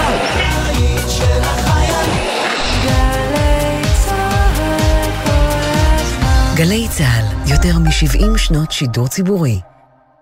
יואו יואו, מטיילים, מבלים, מטיילים, מבלים. חופשים בירושלים, בבוקר מטיילים, בלילה מבלים. פרטים ב-iTravelJerusalem.com יצואנים, תעשיינים וחברות עסקיות. רוצים לייצא לחו"ל? לפרוץ לשווקים חדשים? תוכנית כסף חכם החדשה מחכה רק לכם. כ-90 מיליון שקלים יוענקו במסלולים ייחודיים ליצואנים מתחילים או מנוסים. עד חצי מיליון שקלים לחברה. אל תוותרו על הסיוע. עכשיו תורכם לגדול לעולם הגדול. המקצה פתוח רק עד 18 באוגוסט. מהרו להגיש. לפרטים חפשו ברשת כסף חכם או ייכנסו לאתר מנהל סחר חוץ במשרד הכלכלה והתעשייה. כפוף לתנאי התוכנית. שנת לימודים חדשה בפתח, גם לילדי הגיל הרך. כדי שנעניק לילדינו סביבה חינוכית בטוחה ומוגנת, משרד החינוך ממשיך בהרחבת הפיקוח והבקרה על מעונות היום. צוותי המעונות כבר משתתפים בהצלחה בהכשרות המקצועיות. אלפי מעונות נתונים בתהליכי רישוי, ובהם כבר פועלות מצלמות במסגרת החוק. הורים יקרים, בוחרים מעון, ודאו שהוא פועל ברישיון. רפורמת החינוך לגיל הרך בעיצומה, כי חינוך ילדינו זה לא עניין פעוט. פרטים באתר משרד החינוך. אירועי קיץ לכל המשפחה במוזיאון הישראלי במרכז יצחק רבין. מהומה במוזיאון, תעלומה קולית תיאטרלית בשילוב אוזניות. וגם מעלים את הראפ, סדנת ראפ לילדים בשילוב סיור מודרך. לפרטים ולרכישה, היכנסו לאתר מרכז יצחק רבין, או התקשרו כוכבית 4585. רוכבי כלים חשמליים שימו לב, בימים אלו מוגדלים הקנסות על רכיבה בניגוד לחוק על אופניים חשמליים וגלגינוע, קורקינט חשמלי. מי שירכב ללא קסדה ייכנס באלף שקלים. מי שירכב ללא רישיון, מעבר בחינת תיאוריה או בלי היתר רכיבה מיוחד, ייכנס ב-700 שקלים. ומי שישדרג באופן לא חוקי את הגלגינוע, הקורקינט החשמלי שלו ישלם אלף שקלים. נכנס לתוקפו צו המסמיך גם פקחים עירוניים לאכוף עבירות בכלים אלו. אם רוכבים בכביש, נוהגים לפי החוקים. עוד מידע חפשו בגוגל אסקלבן.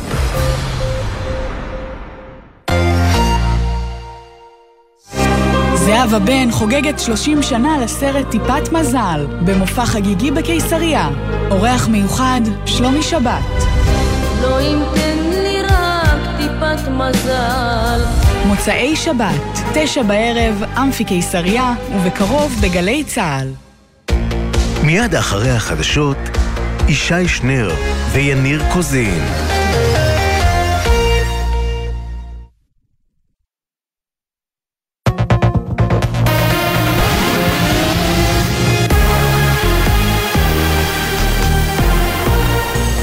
גלי צה"ל השעה 6, שלום רב באולפן מרים בלוך עם מה שקורה עכשיו. הקטל בדרכים, אישה כבת 60 נהרגה ועוד ארבעה פצועים, בהם ילדה בת חמש במצב אנוש, בתאונה בין משאית לרכב פרטי בכביש 57, סמוך לצומת בארותיים. צוותי מגן דוד אדום פינו את הפצועים לבתי החולים באזור. הילדה פונתה כשהיא מורדמת ומונשמת לבית החולים לניאדו בנתניה, ושלושה פצועים נוספים פונו לבתי החולים הלל יפה ומאיר. הבחירות המקדימות בליכוד, בתום ספירת כל הקולות, חבר הכנסת יריב לוין זכה במקום הראשון ויהיה הבא ברשימה אחרי נתניהו. מיד אחריו, לפי הסדר, אלי כהן, יואב גלנט, דודי אמסלם ואמיר אוחנה. חברת הכנסת מירי רגב נבחרה לאישה הראשונה ותשובץ במקום התשיעי ברשימה הסופית. חברי הכנסת צחי הנגבי, קטי שטרית וקרן ברק לא נבחרו למקומות ממשיים. כתב התחום הפוליטי שחר גליק מוסיף כי שלושה חברי כנסת לשעבר, ניסים ואטורי, אריאל קלנר ועמית הלוי, נבחרו במחוזות וצפויים לחזור לכנסת. ואטורי אמר ליניר קוזין וישי שנרב ביומן הערב שצריך לאפשר לראש ממשלה לבחור את שופטי בית המשפט העליון. הפעם אנחנו הולכים uh, להיכנס עם משילות אמיתית. אין מצב שבית המשפט פוסל חוקים. ישבתי אז בוועדת חוץ וביטחון, ישבו בבית המשפט העליון והחליטו לפסול כל מיני החלטות שקיבלנו בכנסת. אנחנו רואים איך זה קורה בארצות הברית. ראש ממשלה נבחר יכול לקבל אליו אחוז של שליטה על בחירה של שופטים. לא צריך לפחד מזה. זאת הדמוקרטיה. מי שנבחר על ידי הציבור, הוא יחליט עבור הציבור. שודד מהבנק את הכסף של עצמו. גבר חמוש מחזיק בבני ערובה בבנק בביירות ודורש לשחרר את כספו מפיקדון. כתב חדשות החוץ, עמית קלדרון. הגבר החמוש ברובה ציד מחזיק בשבעה עובדי סניף מחוז חמרה של הבנק הפדרלי בלבנון כבני ערובה כבר משעות הבוקר. דרישתו מהבנק היא לשחרר כ-200 אלף דולר בחסכונות שתקועים בבנק. המשבר הכלכלי החריף בלבנון חסם את האפשרות למשוך סכומי כסף גדולים מבנקים, והגבר, שנושא גם חומר דלק, מאיים להצית את עצמו אם לא יקבל את הכסף. עכשיו זה רשמי, בית"ר ירושלים יוצאת לדרך חדשה לאחר שהבעלות על הקבוצה עברה לאיש העסקים ברק אברמוב. מדווח כתבנו מעיין קלמנסון. הוועדה להעברת זכויות של ההתאחדות לכדורגל אישרה באופן רשמי את העברת הזכויות של בית"ר ירושלים לידי ברק אברמוב, זאת לאחר שבדקה את חוסנו הכלכלי ואת ערבויותיו. בית"ר ירושלים תצא לדרך חדשה כבר בשבת הקרובה, במהלכה תפגוש את הפועל תל אביב באיצטדיון בלומפילד במסגרת גביע הטוטו. ומזג האוויר למחר מעונן חלקית עד בהיר, ללא שינוי ניכר בטמפרטורות. אלה החדשות שעורך ערן קורץ.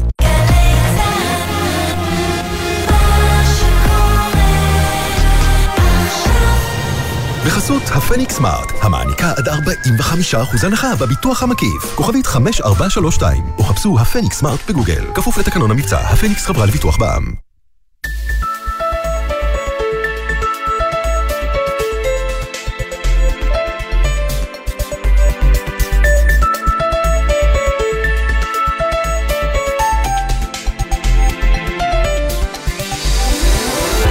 יומן סיכום השבוע עם ישי שנר ויניר קוזין.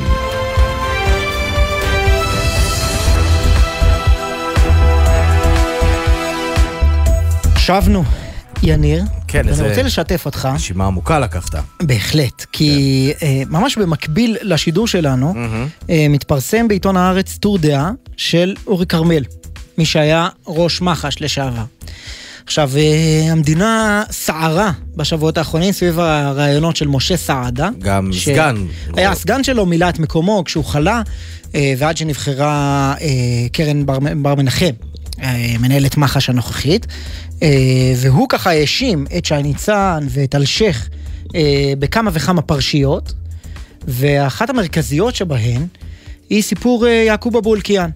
בפינוי אה, אום אל-חיראן, מי שזוכר, אה, ניתן... אזרח אה, הפזורה הבדואית. כן. אה, אה, הרכב שלו פגע בשוטר והרג אותו, והוא גם אה, נורה ונהרג.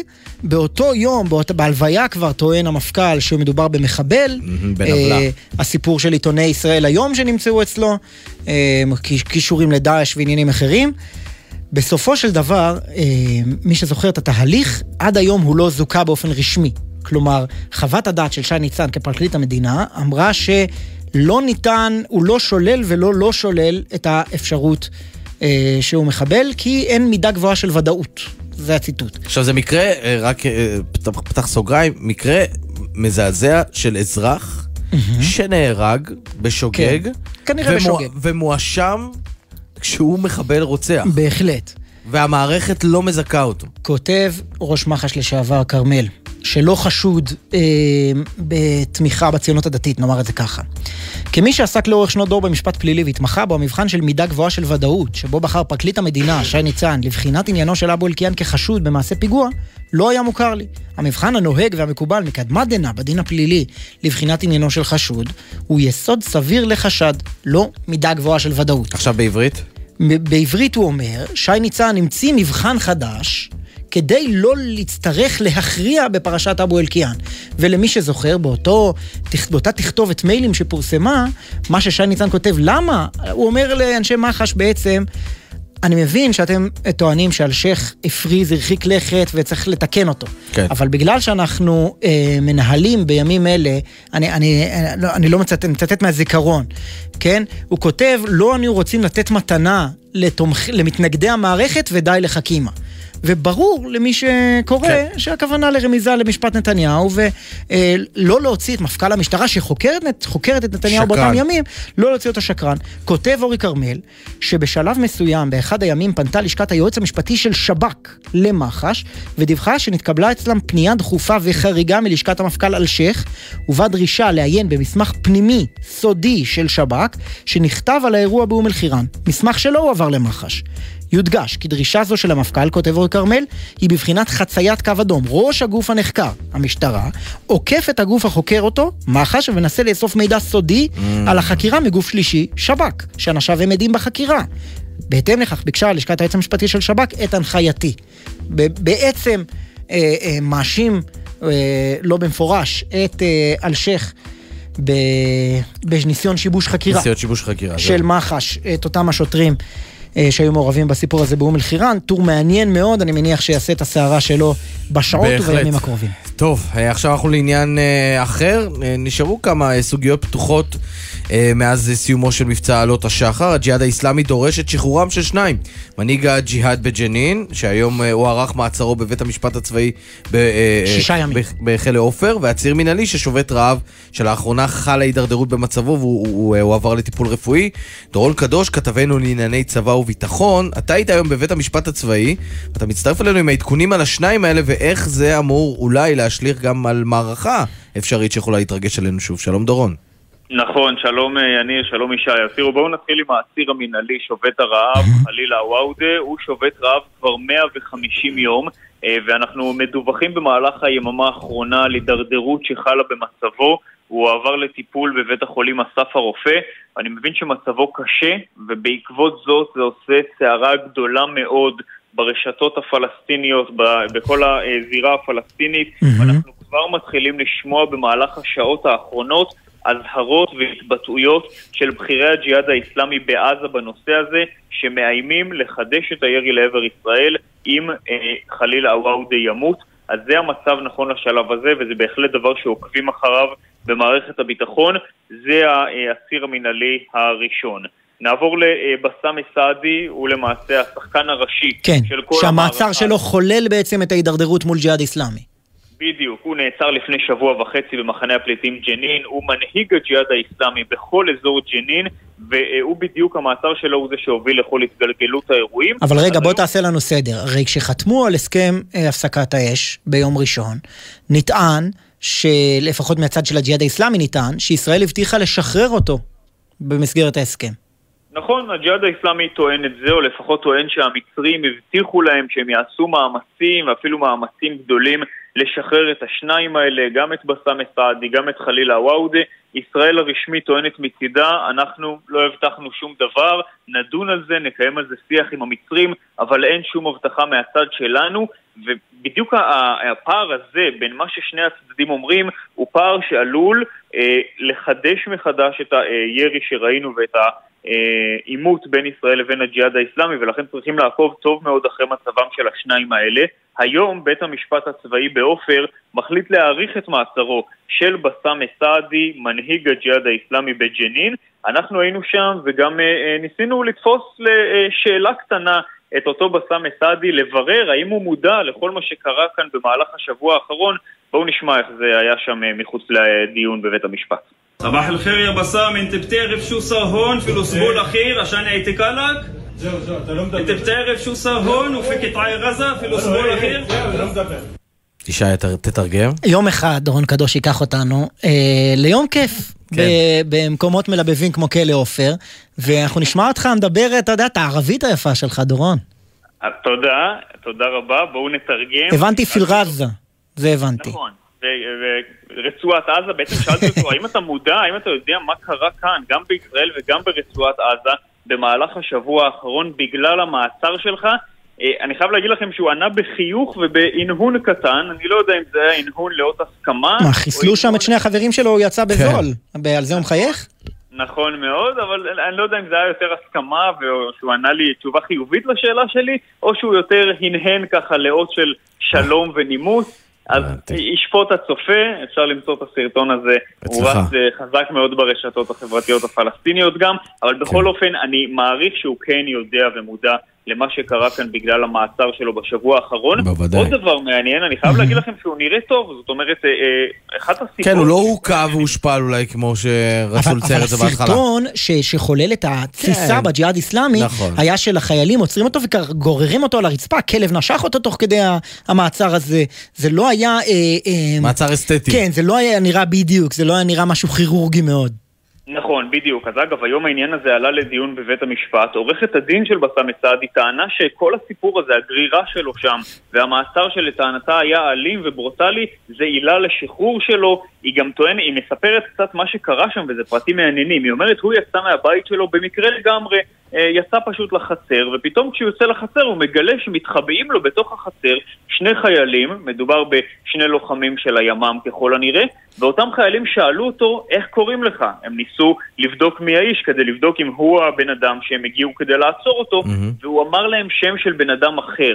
אגב, זה הוסיף לחשדות נגדו, לכל סעיפי החשדות, אה, גם סעיף של התחזות לאדם אחר. כאילו היה חסר. כן, הבן אדם מנהל- טוב ארגון טרור בג'נין, כן, אבל הוא אה, טוב התחזות, שגם כן. אה, לא מה שנקרא... כמו אל פצ'ינו. זהו, בדיוק, לא, כמו אל קפונה. אה, אני אומר- נו, מה יהיה? אני אומר, טוב שהוא גם לא אה, מואשם בביזוי עובד ציבור, אתה יודע. כן, אה, רישום כוזב במסמכי תאגיד. הוא מואשם בהפרעה לחייל בעת מילוי תפקידו בגלל ההתנגדות שלו למעצר. זה לגמרי. יפה. לא- לא חסר. דורון קדוש, כתבים לענייני צבא וביטחון וערבית קולחת, תודה רבה לך. תודה לכם. תודה. ישי, הם אה, כותבים לי שאתה היית אמור לדעת כבר ערבית בשלב הזה. זה- נו, ואפילו לשלוף את השם של אל קפונה, אני לא כן. עושה... נכון, אז בסדר, נו, מה אפשר לצפות? טוב, אנחנו לאירוע רק אחר. עיתונאי בסך הכל. אירוע אחר לגמרי. נציבת בשירות בתי הסוהר, קטי פרי, הורתה היום על הוצאה של פרדי בן שטרית, מפקד בית סוהר גלבוע, לחופשה כפויה. זהו, אני, אני חייב להגיד, סליחה, לפני שאתה תתחיל, אה, ואנחנו נתחיל עוד מעט ונדבר על זה, המונח הזה, יש בו, יש בו, יש פה איזו סתירה מובנית. חופשה כפויה. חופשה כפויה. כן, מי כמו- יוצא לחופשה זה כמו כפויה? שכשלמדתי בבית ספר הייתה חובת התנדבות. זהו, בדיוק. זה דומה. אתה יוצא לחופשה כפויה. אה, זה, אה, אה, חופשה היא לא כפויה, צריך להגיד, אה, אתה נשמע לי כמו הורה עייף של אוגוסט, שמעוניין בחופשה כפויה כן. אגב, כשאתה יוצא. עם המשפחה, עם הילדים לאילת, עם כל הילדים, זאת חופשה כפויה.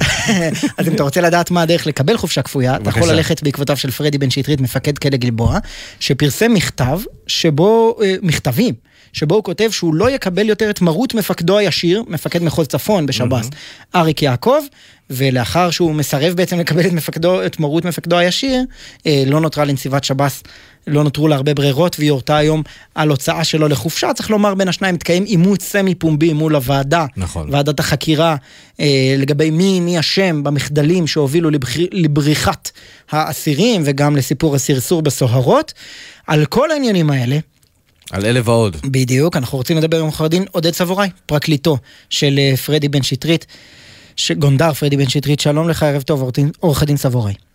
שלום, שלום, גונדר משנה. גונדר משנה, סליחה. הוא בחר כבר יעד בחופשה הכפויה הזאת שלו? אה, לא, לא בחר יעד, הוא בחר... משרד עורכי הדין סבוראי ושות'. כן, בדיוק. היעד שהוא בחר הוא יעד פיקודי, להבדיל ממפקדו. אם תרצו שאני אספר את הסיפור, את המיני סיפור הזה סביב כל הוועדה, אז אני אספר. היה נדמה, בוא, אה, ישי- ציין את זה בחצי משפט, על, ה, על המאבק הסמי סמוי או הסמי אה, פומבי בינו לבין אה, קט- קטי בן- קטי שטרית- קטי בן שטרית. קטי פרי. קטי פרי. ו- קטי שטרית בליכוד. הכל? מתערבב, אפרופו אוגוסט. קטי שטרית. פרדי בן שטרית, קטי שטרית- כן. שטרית וקטי פרי, שלושה אנשים שונים. תודה רבה. כי פרדי בן שטרית בעצם מגיע מול הוועדה הזו, ולמעשה הוא מתחיל לדבר אה, לא רק על כלא גלבוע, אלא מציף מחדש את כל הסיפור של הסרסור בסוהרות, כמו מעביר בעצם את הזרקור להתנהלות בעייתית של שב"ס, עוד לפני שהוא מונה בכלל להיות מפקד כלא גלבוע. לדעתך יש קשר בין זה לבין החופשה הכפויה? לדעתי יש קשר אה, הדוק בין זה לבין החופשה הכפויה. פרדי בן שטרית עלה בעדותו ואמר אה, בפתח הדברים מה היו האתגרים שעמדו לפתחו בינואר 21 כשהוא נכנס לתפקיד מפקד הכלא. הוא אמר בין יתר הדברים, אחד הדברים העיקריים, או אחד האתגרים העיקריים היה שאצלי, להבדיל מאשר אצל קודמיי, לא יהיה אירוע של סרסור בסוהרות, ואיך אומרים באנגלית, and all hell broke loose. בזכות הדברים שלו, דברים שתועתו קודם לכן אה, מתחת לשטיח, קיבלו נפח אחר, וכל יום מתגלים דברים איומים חדשים. כן. אני חושב שצריך להודות לו על זה שהוא אה, אה, אה, הניח את הזרקור על ה... חד משמעית, ועדיין, השאלה מה אתם, מה הייתם מצפים מנציבת שב"ס לעשות? תחשוב שאתה מנהל גוף, וגוף כמו שב"ס, שהוא גוף אסטרטגי במדינת ישראל, ואחד הבכירים ביותר מודיע קבל עם ומכתב, אני יותר לא בקשר עם המפקד שלי.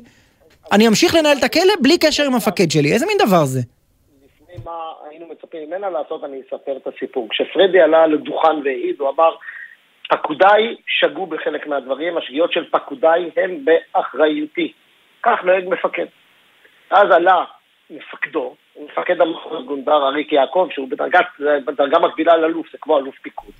ואמר בדיוק את ההפך, הוא אמר, בניסיון שלו שקוף ונורא לברוח מאחריות, הוא אמר, מה שקרה בכלא זה שלא יכולנו אנחנו במחוז לדעת מה, מה קרה בכלא, וזה למה? כי הפקודים של פרדי זייפו במכוון דוחות כדי להטעות את רמת המחוז. אמירה מטומטמת, מקושקשת, חסרת בסיס.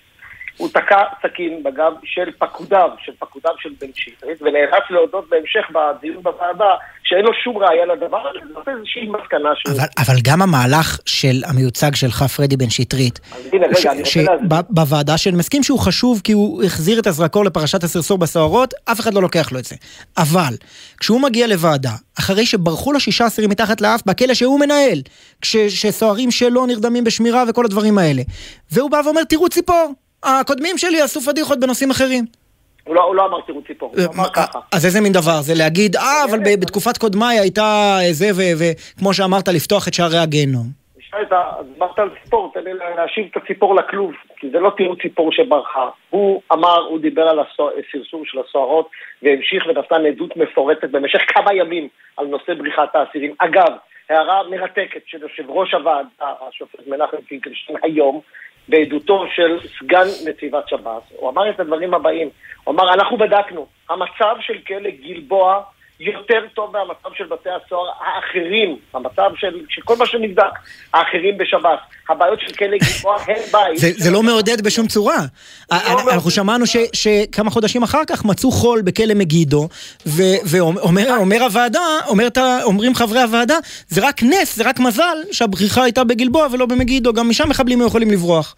נכון מאוד. ו- ואז אתה שומע שבארגון שב"ס, בכיריו מפסיקים לדבר אחד עם השני, אה, אה, נציבת שב"ס מוציאה מפקד כלא מכהן לא, אז- אז- לחופשה כפויה, ואתה אומר, ב- בידי מי אנחנו מפקידים את הארגון החשוב הזה?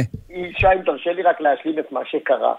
מפקד בית סוהר אה, אה, גלבוע פנה לנציבה ואמר לה כך, אה, גונדר יעקב עשה מעשה שלא ייעשה.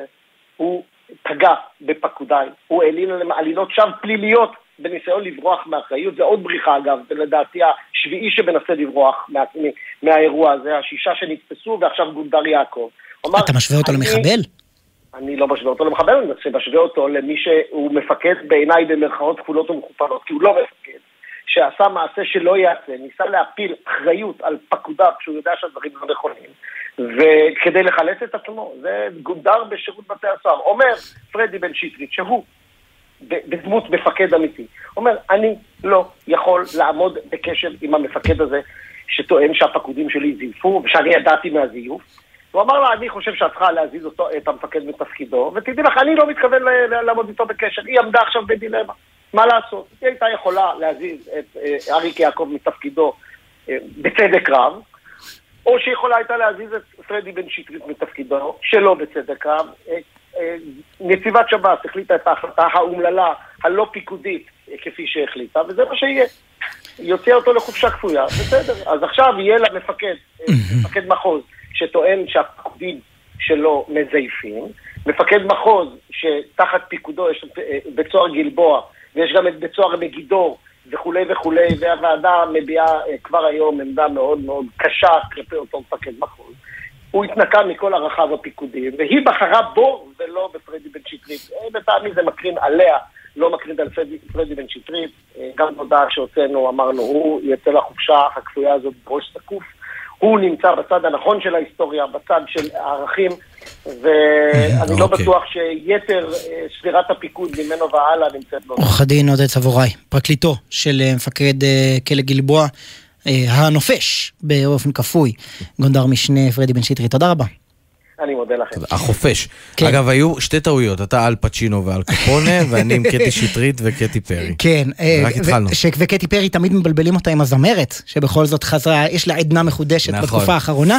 אה, אתה יודע, בן גוריון אמר, תדע כל אם עברייה כי הפקידה גורל בנה בידי מפקדים ראויים לכך. אז תדע כל אם של מחבל פלסטיני, שהפקידה גורל בנה בידי סוהרים שהם רבים בלי סוף, והשירות בתי הסוהר הזה צריך ניעור, לטעמי. אה, אה, לג- לגמרי, איך אמר השר לביטחון פנים אה, היוצא כנראה, עומר בר-לב? הרי פגשתי ארגון רקוב. כאשר הגעתי. טוב, פה לא נטעה, לא נגיד נרנדרה מודי, אלא נמצא איתנו עכשיו מו- מודי סעד, הוא ראש מועצת יאנוח ג'ת וחבר מרכז ליכוד, שלום לך. שלום, שלום. עדיין- עדיין חבר מרכז ליכוד? עדיין. או, אנחנו מדברים עם אה, מודי סעד בגלל שאין נציגות לעדה הדרוזית במפלגה הגדולה במדינה. אה, אחרי שנים שתמיד היה מישהו שהיה מיוצג שם, בין אם זה פטין מולא ובין אם זה איוב קרא ואחרים. עכשיו פטין מולא יוצא במקום ה-40 ברשימה, שזה מקום 50-60 צפונה מאוד מאוד רחוק. ומה זה אומר לגבי אה, העדה הדרוזית והליכוד, והברית עם הליכוד. בדיוק.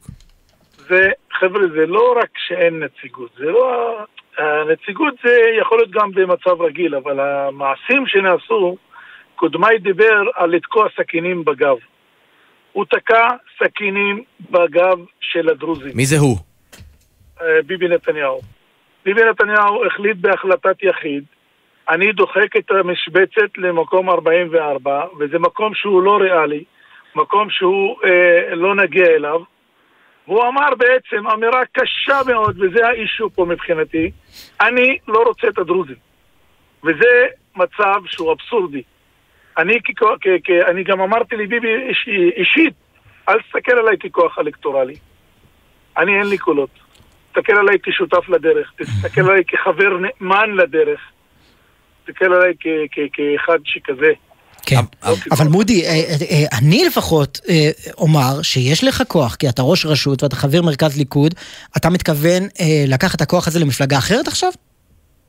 יש לי כוח, והוא יודע שיש לי כוח. אני אומר, אני מבחינתי אמרתי את זה לפני חודש, איך שהוא הכריז על ה-44, אני כתבתי פוסט, ואמרתי שאם ההחלטה הזאת לא תשתנה, אגב, אה, אה, בדוי אה, ולמען אה, ככה הגינות, אני כתבתי את זה בצורה ספונטנית, כי נפגעתי מעצם ההתנהלות.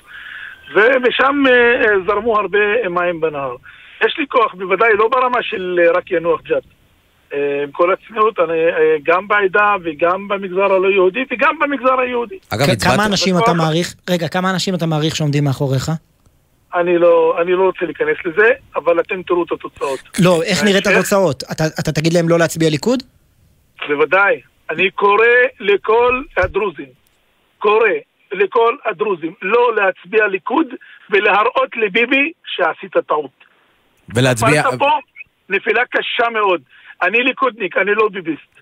אני אה, אה, ליכודניק כל חיי, זו דרכי, זו, זה מה שאני מאמין, הכי טוב אה, אה, לי ולעדה שלי, אבל ביבי בא ואומר, יורק לנו בפרצוף, אני לא רוצה אתכם, לא איתי ולא שותפים ולא כלום, ו, ואל לנו לשכוח שמי שהציל את חייו של ביבי זה דווקא דרוזי מרמת הגולן, שהיה בעוד בסיירת. אה, מודי, למי, רגע, אתה קורא להם לא להצביע לליכוד, אתה קורא להם להצביע למפלגה אחרת? אני קורא להם מאחר ואני מאמין שחייבים לממש את זכותנו הדמוקרטית וכן לבחור ולא לשבת ולהתנתק. אני אה, אה, קורא להצביע ל- לסער, הוא הכי קרוב לדעותינו, אה, וסער הוא מנפגעי ביבי נתניהו. יש לו מועמד אה, דרוזי אה, ברשימה לגדעון סער?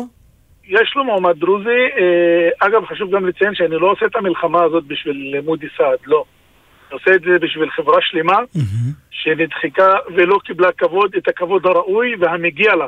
מי המועמד של סער? סער הכי קרוב, גדעון וגנץ ביחד, אני חושב שזאת מפלגה, יכול- צריך לחזק אותה, צריך להצביע לה ולא לתת לה ליכוד. אבל יש להם- כל הכאב- יש להם נציג- כל הכאב. יש להם נציג מהעדה הדרוזית במקום ריאלי? יש להם אה, את מופיד מרי עם אה, חבר כנסת מופיד אבל מרי זה של כחול לבן. מכחול לבן. של כחול לבן, ויש את, אה, אני חושב שיש את אכרם חסון, שיהיה נכון, עם, אה, איפשהו עם, שם. עם סער. אה, יצא לך, אגב, מודי, יצא לך לדבר עם אה, פטין מולה, אנחנו דיברנו איתו אתמול, הוא היה מאוד נסער עוד לפני התוצאות. לך יצא לדבר איתו ב-24 שעות האחרונות? את האמת לא יצא לי, לא יצא לי לדבר איתו, כי אני לא רוצה להעמיס עליו, והוא בטח אה, נסער ובצדק. אגב, אתה קורא לו לעזוב את הליכוד? אני, אני הייתי קורא לו מהרגע שהייתה החלטה לעזוב, לקום, לעזוב את הליכוד ולתת את, ה- להמש- להתחיל את המכה אה, לאדון אה, יו"ר הליכוד. מה חשבת על זה גם שהוא, אה, שנתניהו בעצם ביטל את הקיצור לבן שלו, לחמודי אה, מולה, שהיה אמור אה, להתמודד גם הוא, ונתניהו ביטל לו את קיצור הפז"ם.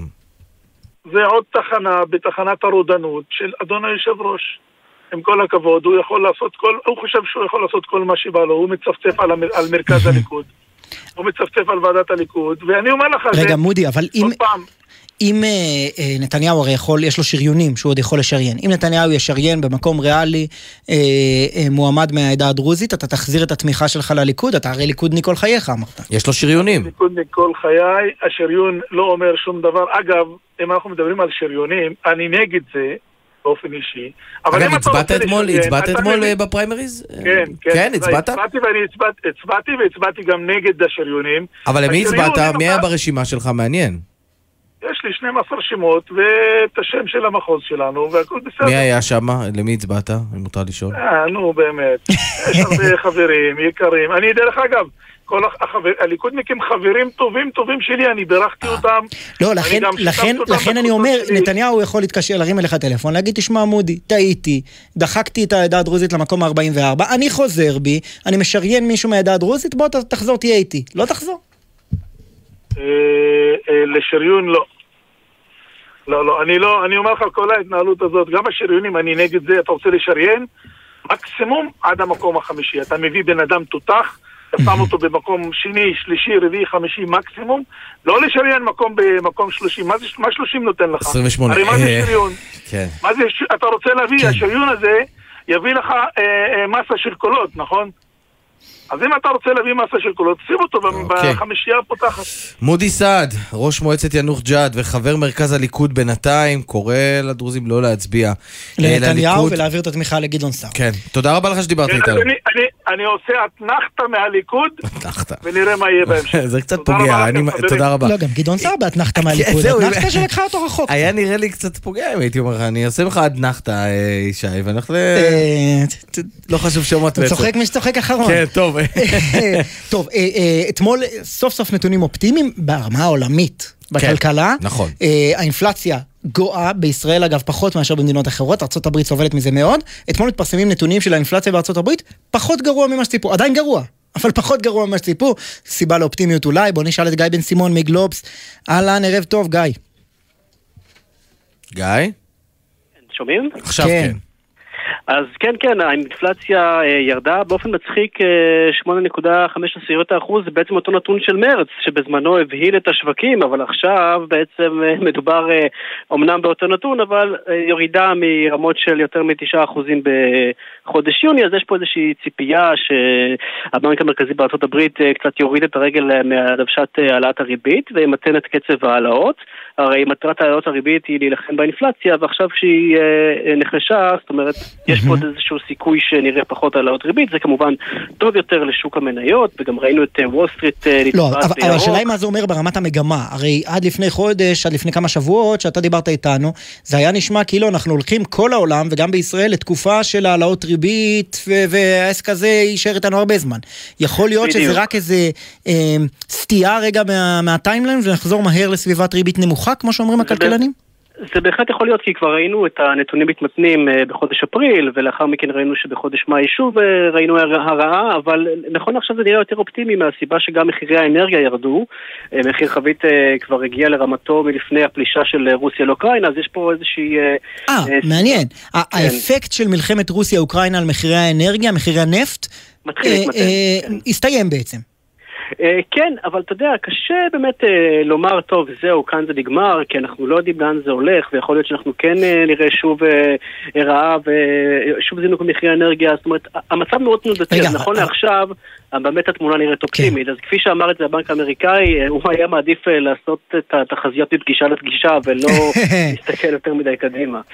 עכשיו, יש לזה גם השפעות על השוק המקומי כמובן, ככל ששוקי המניות אה, בארצות הברית אה, קופצים ונצבעים בירוק, אז ככה גם אה, השקל הישראלי מתחזק, וזאת בגלל סיבה טכנית שהמשקיעים פה בשוק המקומי שמנהלים מנהלים לנו את כספי הפנסיה, הם בעצם צריכים לגדר את ההשקעה, וכאשר הערך של ההשקעות עולה, אז הם צריכים למכור כלעומת זה אה, דולרים, וזה מה שמציף רגע, רגע, אמרת, אמרת. המון מילים של כלכלנים כן. שקשה להבין כמו לגדר.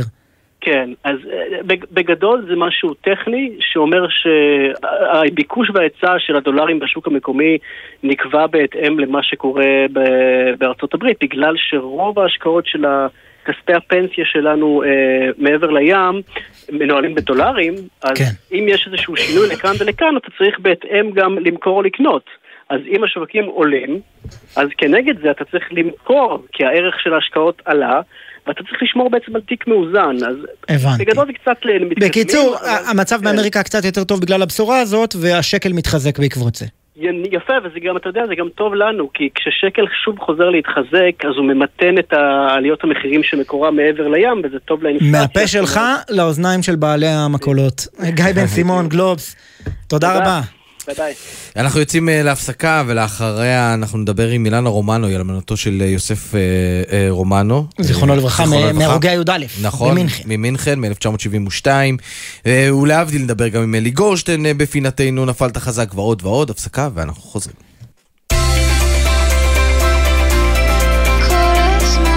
גלי צה"ל, יותר מ-70 שנות שידור ציבורי.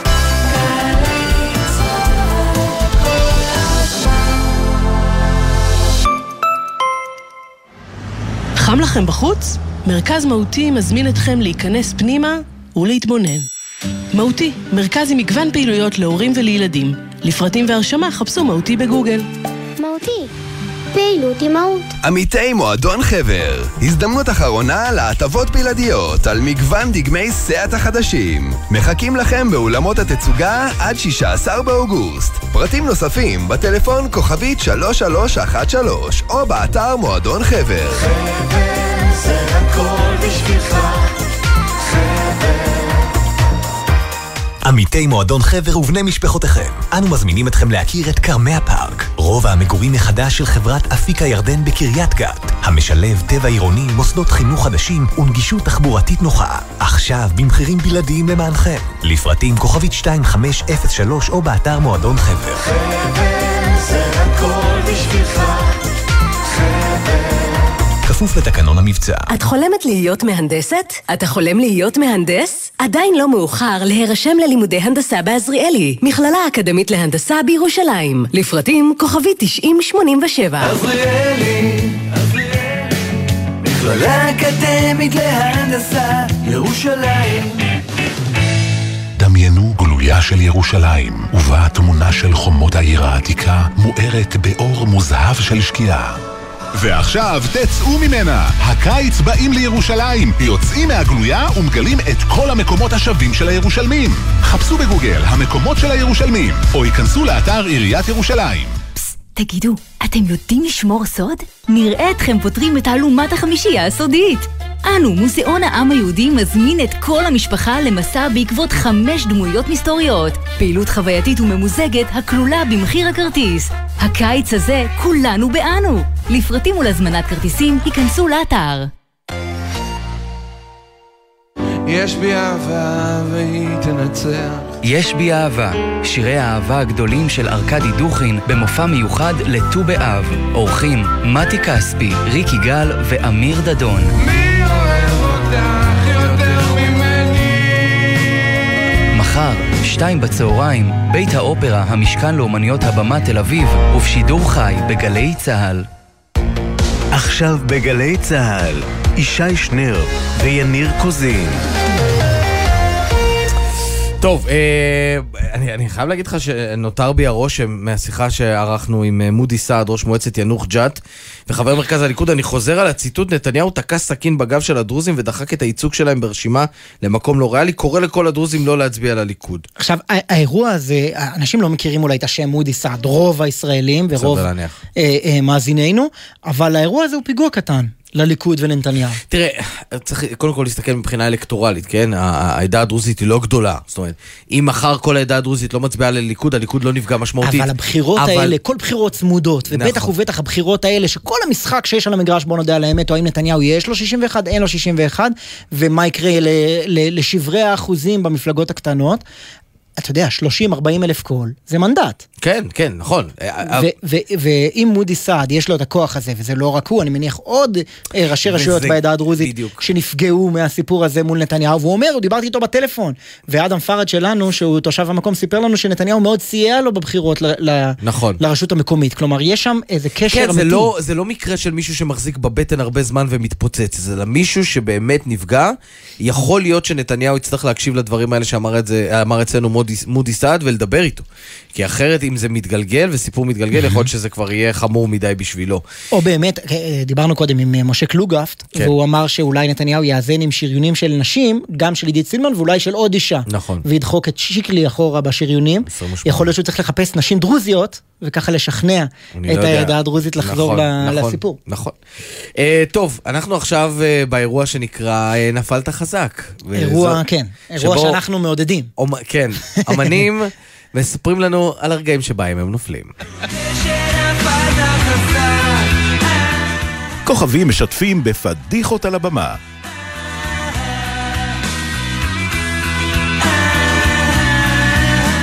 ואנחנו מתכבדים להזמין לפינה. כוכב ילדותי, אני חייב לומר לך. כוכב ילדותנו, אני חושב. בהחלט. אלי גורנשטיין, שחקן, זמר, מה, מה לא? מדבב. שלום. ערב טוב לכם, שלום לך. אה, איזה, נתת את ה... באיזה מקום אתה בפריימריז? אני מקום אה, 52. כן. לא, לא לא ריאלי, מקום לא ריאלי. מקום לא ריאלי, זה בדיוק העניין. טוב, אה, אה, תראה אלי, אה, עשית הרבה מאוד דברים אה, במהלך הקריירה שלך ואתה מוכר מהרבה דברים, אבל אנחנו בגיל שהקול, הקול שלך וקו"ל, אה, מצלצל לנו מאוד מוכר. אז מי שמזהה ככה תוך כדי תנועה, אז זה סקאר, נכון? ג'פר. נכון. ומי עוד, איזה עוד נבלים אה, היית אוהב לעשות? לא, לא רק נבלים, גם סבסטיאן מבת הים הקטנה, והפמוט, לומייר, ביפה והחיה, ו... אבל רובם היו נמלים, נבלים, נמלים. בגלל קולי הנמוך תמיד אה, אוהבים ללהק אותי כנבל, כי אצל דיסני הנבלים הם עם קול נמוך, גבוהים. עם מבטא בריטי בדרך כלל. נכון, נכון. אני לא רוצה להיות מהמעיקים, אבל אולי תיתן לנו איזה סקאר קטן. תבונה כידוע ושכל, לכם הונגו במשורה. אז די בפטפוט דברי הבל, והקשיבו כי יש לי בשורה. נתכונן! בשנייה אני בן שש. יואו, איזה כיף זה היה עכשיו. אלי, אה, שימחת פה שני ילדים, אה, זה ממש, כן. טוב, עכשיו אה, ברשותך אנחנו נלך למה שהתכנסנו אליו. כי- אם יש סקאר אז יש גם צבועים. צבועים נכון. שמחפשים את ה... אתה יודע, את הפגרים. כולם משהו. וזה אנחנו. אז ספר לנו על איזה פגר אחד ככה, תוך כדי תנועה שקרה לך בהופעה. תשמע, קרו לי מלא דברים, אני לא ידעתי אפילו מה לבחור, אה, חשבתי עכשיו על סיפור אחר, אבל אני אספר את הסיפור שסיפרתי לתחקירכם בבוקר.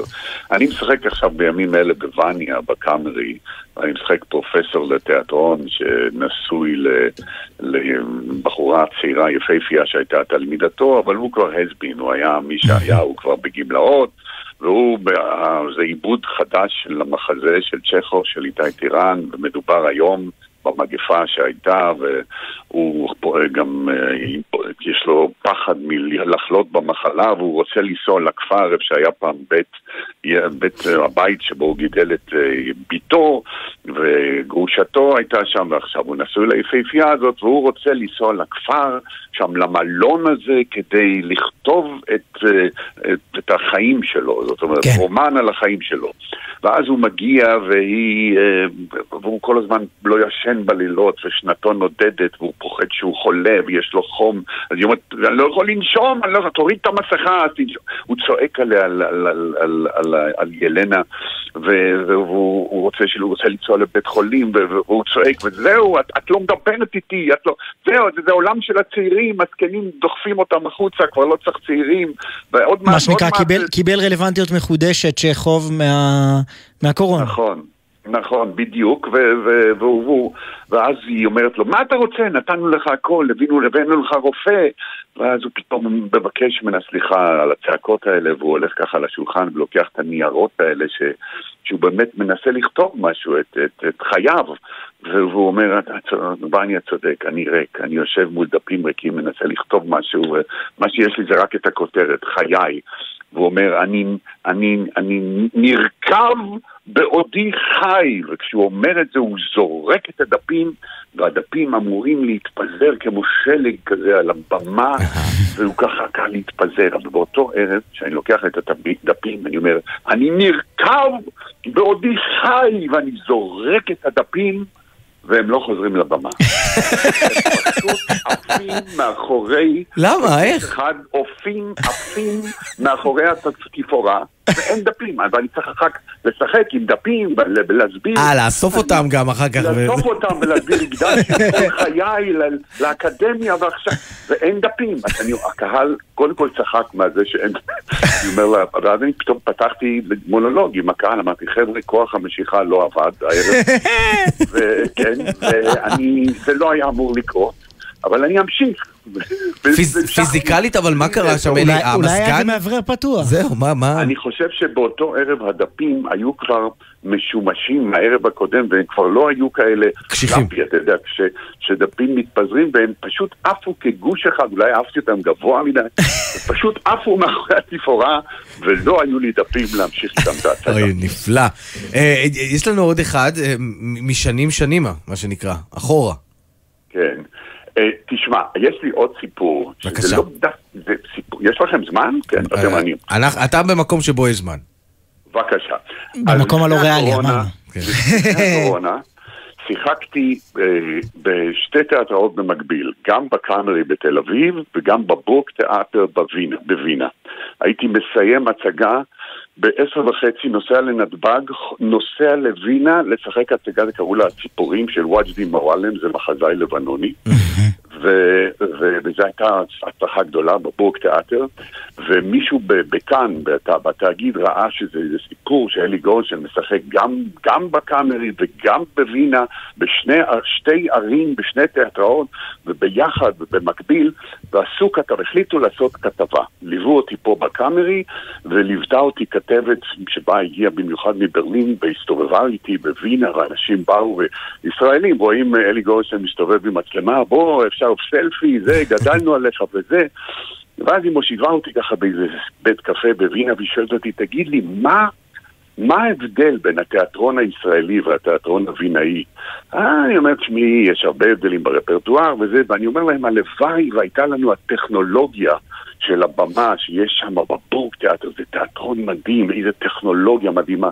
הלוואי וזה היה גם בישראל ככה. ואז היא, אני מגיע בערב להצגה, והיא מציבה ככה מצלמה באולם, ועשר דקות והקהל כבר צובע על הפתחים, ופתאום עשר דקות לפני ההצגה אומרים לנו כל השחקנים מיד לבמה.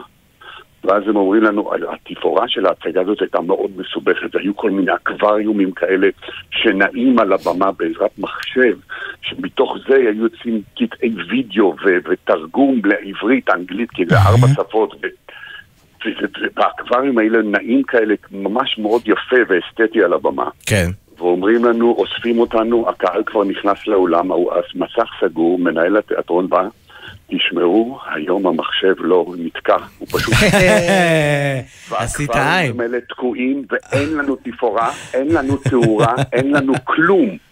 והמצלמה של הטלוויזיה הישראלית באולם, אני אמרתי לה שהטכנולוגיה של התיאטרון בבורג תיאטר וכולי. שמע, ואז- אפילו התיאטראות אצלנו הם start-up nation. עובדים עם, אה, בשיטות. הישנות, אבל אה, אז אתה- אפשר אה, לסמוך על זה. אלי, אמרתי שיש לנו זמן, אבל אין לנו באמת עכשיו, נגמר לנו אה. הזמן. אבל אני חייב לשאול אותך שאלה קצרצרה. ראית את כן. הרימייק שלך אה, ללבן מהלהקה? שאראל סגל עשה? לא ראית. לא, לא, לא. אז אז שתדע שמסתובב אה, רימייק של הסצנה הידועה עם הלבן, לבן, שנעשתה לא מזמן, יהיה אולי בפעם... בהקשר אה, אה, פוליטי. כן, אחר. אז זה אולי... אה, אתה מתכוון, את- רגע, אתה מתכוון למה שעשה... אראל סגל. הזה, אריאל? אראל סגל, אריאל כן. סגל? אה, זה, זה ראיתי, כי יש הצגה היום על להקה של... כן, אה, זה אה, אוהבים לעשות רימייק למחזמר הזה. כן, תשמע, זו סצנה מיתית, ש... מיתולוגית. אז ת- אז תן לנו לסיום ככה את ה- את השורות. אתה עם האגו המנופח שלך, הנה לבן, הנה לבן! משהו כזה. אלי גורנשטיין הגדול, אה, היה כיף ותענוג גדול. אז אה, ההצגה עכשיו אה, אמרנו בקאמרי, נכון? כבר קאמרי, אני מתחיל חזרות בבית פסין, אני נע ונודד, אני כבר פנסיונר של הקאמרי, אני, אני משחק אה, יפה. אהבות דוד בצוותא על המחשבה, על האהבות האחרונות של דוד המלך לפני שהוא הולך לעולמו, הוא נזכר באהבות הגדולות, בת שבע ומיכל בת שאול, דרמה מוזיקלית של סובול ואיילה אשרוב. יפה. אגב, גיליתי תוך כדי הרעיון שהוא גם אה, אה, עשה את הדיבוב לפרולו, שזה אחד הנבלים הגדולים, הגיבן. מנוטרדם. אז אה, איש- הכנסייה. הוא היה הכי רשע לדעתי, דרך אגב. נכון, אז יש אלי- שם אריה נהדרת, מוזיקה נכון. נפלאה. אה, אגב, המוזיקה הכי טובה, אני חושב, של דיסני. נכון, נכון. עוד נרחיב, אה, אלי גורשטיין, היה תענוג גדול. איזה כיף, תודה רבה. תודה רבה. בשמחה, שבת שלום. שבת שלום. להתראות. היה אז בוקר היום השני למלחמה בירושלים. האופק החביר במזרח. היינו בעיצומו של הקרב על גבעת התחמושת. לחמנו שם מזה שלוש שעות. התנהל קרב עקשני, קטלני. הירדנים נלחמו בעקשנות. זה היה יעד מבוצר בצורה בלתי רגילה. בשלב מסוים של הלחימה נשארו לידי ארבעה חיילים בלבד. עלינו לשם בכוח של שתי פלוגות. לא ידעתי היכן האחרים כיוון שהקשר עם דודיק המ"פ ניתק עוד בתחילת הקרב. באותו רגע חשבתי שכולם נהרגו. שתיים, שתיים ושלושים נכנסנו דרך הקרשים לשדה האש והמוקשים של גבעת טטטם, טטטם. אה, מה קרה. פתאום? חלף, אנחנו עבר. לא ביוני, אנחנו לא ביום העצמאות. מה קרה גבעת התחמושת? שאתה אה, יודע אני יודע. שהשיר הזה שמספר את סיפור הקרב, מספר הרי על התעלות שבהן אה, נלחמו לוחמי צה"ל וספגו שם אבדות קשות, אבל היום אם תלך לגבעת התחמושת, אתה תמצא רק שתי תעלות. ויש שם עובד אחד, שכבר שנים חופר ואומר, חברים, יש פה עוד תעלה. לחמתי במל- בקרב הזה, הייתה תעלה שלישית, איפה היא? או, אז עכשיו, אחרי עשרות שנים... מחפשים. מאמצים לגילויה של תעלה נוספת בגבעת התחמושת. 55 שנים. אחרי הכיבוש, כן, כן. ואנחנו רוצים לדבר עם קטרי מעוז, מנכ"ל גבעת התחמושת, שלום. שלום וברכה, אחר הצהריים טובים לכם. אחר צהריים נאותים. טוב, מה, מה, מה איפה- בפיך? איפה מה שנקרא? מחפשים? מה מחפשים? מה בפי? אז אני אגיד לכם מה בפי.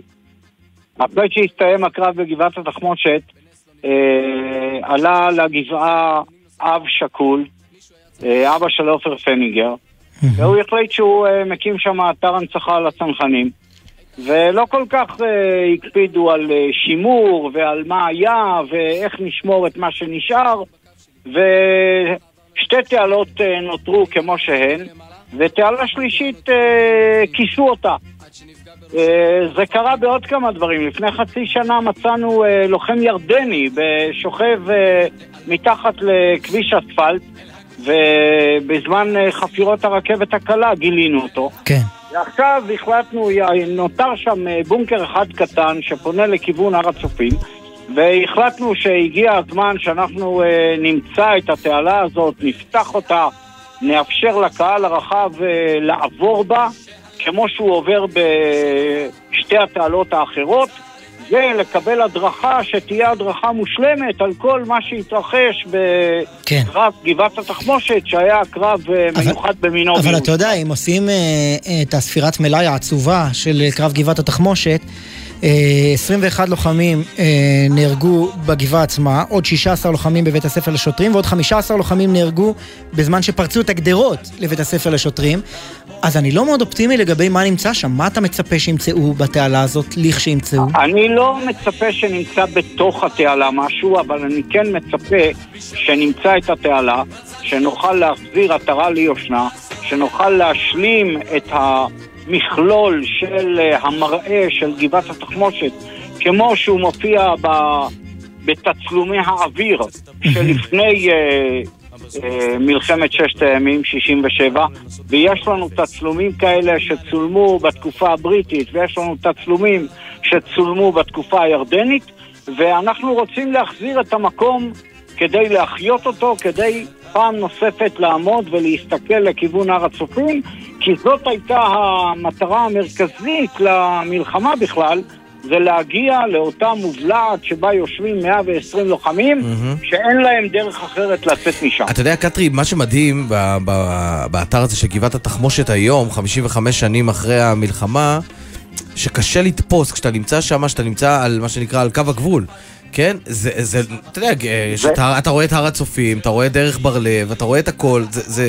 זה, זה נכון, כי זה ממש אה, בנדלן הכי, הכי יקר של ירושלים, וזה יושב 300 מטר פחות, 200 כן. מטר משכונת סנהדריה, 200 מטר משכונת בתי פגי, מאחור אה, המטה הארצי, ואתה כאילו נמצא... אז זהו, רציתי לשאול אותך אם. הצעירים... הצעיר- אשכול. רמות אשכול, כן. אז רציתי לשאול אם הצעירים מצליחים להתחבר לסיפור כשהם מגיעים לשם, הם אנחנו כמובן בתי ספר. מצליחים לחבר כי, אחד, יש לנו מוזיאון מדהים אה, שמציג את הדברים בתלת מימד. יש לנו מיצג אורקולי, יש לנו מדריכים מופלאים שיודעים להעביר את זה בצורה הכי נושמת וחיה, ואנחנו גם עושים סיורים בכל מרחבי, כל רחבי ירושלים, וזאת ההזדמנות להזמין את כל הקהל לבוא ולראות כן. דברים שלא נראו בעבר, ואנחנו בשנים האחרונות אה, לאחר שהפכנו להיות תאגיד ממשלתי על פי חוק במשרד ירושלים ומורשת, אה, אנחנו ממש הופכים את המקום למקום נגיש מכל הבחינות. טוב, אתה יודע, יניר, שיש ויכוח הרי לגבי קרב אה, גבעת התחמושת, ש- עד היום מתנהל בין היסטוריונים צבאיים, האם אה, הקרב הזה היה נחוץ בכלל? זאת אומרת, בדי, בהסתכלות בדיעבד, נכון, אולי היה אפשר נכון, להגיע היה אפשר- למטרות נכון. ש- שהזכיר פה קטרי, אה, להגיע להר הצופים, ובאופן כללי לכבוש את ירושלים, בלי בלי לעבור לאבד שם. כל כך הרבה אנשים על הבונקר המבוצר הזה של הירדנים. ו- ומעניין אותי לשאול אותך, קטרי מעוז, מה אתה חושב על הסוגיה הזאת? אז אני אגיד לך. תשמע, אחרת לא היה לך, לא היה לך אה, אתר למנכ"ל אחר כך, אתה יודע, זה כבר... אה, הכל נדמה לי שהוא היה. מוותר. כשאנחנו- מסתכלים על זה ממרחק השנים ויושבים בניאונים, זה נחמד, אבל תזכרו שבסיטואציה שהייתה לפני 55 שנה, ירושלים הייתה מאוימת ממש. זה היה איום קיומי. והתוכנית הייתה תוכנית נכונה לכבוש כמה שיותר מהר ולהגיע להר הצופים כדי לא להגיע לסיטואציה חוזרת של מה שהיה בכפר עציון ב-48. אבל למה לא מהאוויר? ולכן, ולכן רצו קדימה ורצו הכי מהר שאפשר, והמג"דים של הצנחנים אמרו, אנחנו יודעים להילחם בלילה ונילחם בלילה, ולמרות שאין לנו חיל אוויר, כי חיל האוויר עוד לא היה פנוי לעזור ל, לכל המערכת הזאת. אבל מה שאנחנו עושים היום, אנחנו מדברים על דמותם של האנשים, על הערכים שדחפו אותם, על, ה, על מה שהם הביאו מהבית, וכן, אנחנו עצובים מאוד על כל מי שנפל בגבעת התחמושת, אבל כשאני רואה את אלפי האנשים עולים על הגבעה הזאת ומזדהים עם הערכים שנוצקו שם בדם ועדיין ממשיכים להתקיים, אני יכול לומר לך שזה ממש אה, אה, נחמה ונחמה גדולה. יפה. אה, קטרי מעוזר, רק נגיד, אנחנו שומעים ברקע את אה, גבעת תחמושת, אז יורם טהרלב, כמובן, אה, עם ה... ויאיר רוזנבלום. יאיר רוזנבלום. שנסחו חיים ב- בסיפור הזה. קטרי מעוז, מנכ"ל גבעת תחמושת, תודה רבה לך. תודה לכם. מזרח חזרנו אל הישיבה, מגבעת התחמושת. חזרנו אל העיר שבעה. טוב, קיקו, אפשר חזרנו לחייך קצת. נראה לי. יאללה. כן. אה, שמענו את השיר הזה איזה 300 פעם, לדעתי, ברעיון הזה. אה, ועכשיו... אה, לפינת ההמלצות, המלצות לסוף השבוע. אחד שיכול, אתה יודע, שבוע שעבר אם היית מבקש ממנו להמליץ לסוף השבוע, הוא היה אומר לך, שב בממ"ד. בשלב הזה חמישי בערב הוא עוד לא ידע. לא, הוא יושב. בממ"ד, כי, או לא בממ"ד, אבל הוא יושב קרוב סמוך למרחב מוגן. למרחב מוגן, כן. בדיוק, גדי ירקוני, ראש המועצה האזורית אשכול, עם ההמלצה שלו לסוף השבוע. אני הייתי מציע לכולם דווקא ביום אה, חמישי-שישי לבקר בפארק הבשור שבנחל הבשור. יש שם אה, פסטיבל כדורים פורחים, תענוג גם בערב, גם בלילה וגם בבוקר. אפשר גם לבוא לישון שם, אפשר גם לבוא בבוקר רק, אפשר גם לבוא בערב ובבוקר. בקיצור, מתאים לכל המשפחה, וזה מדהים לראות את כל הכדורים הפורחים. אני מזמין את כולם.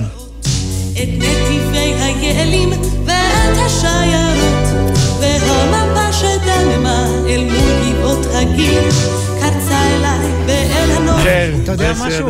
כן. אחרי אה, 1,100 רקטות, להעלות כדורים פורחים, ממש על הגבול של עזה, במועצה אזורית אשכול, זה זה הניצחון, זו תמונת הניצחון אולי. תמונה, בוא נקווה. טוב, אה, סיימנו, העורך הראשי של יומן סיכום השבוע הוא רועי ולד, בצוות יואב מאיסיס ונמרוד פפרניקוס. על הביצוע הטכני, קיקו קיקו נדב, נדב שלנו, ביפו. ביפו, רוני טרנובסקי וגיא קפלן. בפיקוח, בפיקוח הטכני אילן גביש, עורכת הדיגיטל היא ג'ולי אמיר.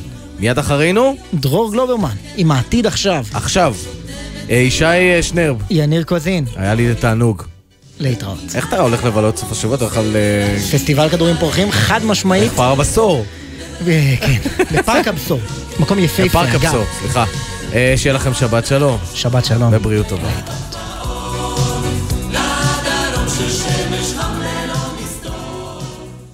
בחסות הפניקס סמארט, המעניקה עד 45% הנחה בביטוח המקיף. כוכבית 5432, או חפשו הפניקס סמארט בגוגל. כפוף לתקנון המבצע, הפניקס חברה לביטוח בע"מ. בחסות מחסני חשמל, המציינת יום הולדת, ומציעה מגוון מבצעים והנחות על עודפי מלאי. שבוע יום הולדת במחסני חשמל. גלי צה"ל, יותר מ-70 שנות שידור ציבורי.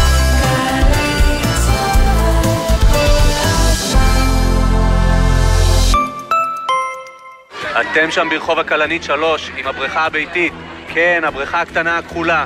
הילד שלכם נכנס למים בלי שתרגישו. אנחנו לא יכולים להיות בכל בית להשגיח. בקיץ הזה כולנו מצילים חיים ומונעים את האסון הבא של טביעת פעוט. מה עושים? בריכות קטנות מרוקנים, בריכות קבועות מגדרים ומשגיחים מקרוב כל הזמן, במיוחד במים. אל תורידו מהם את העיניים. למידע מציל חיים חפשו התוכנית הלאומית לבטיחות ילדים.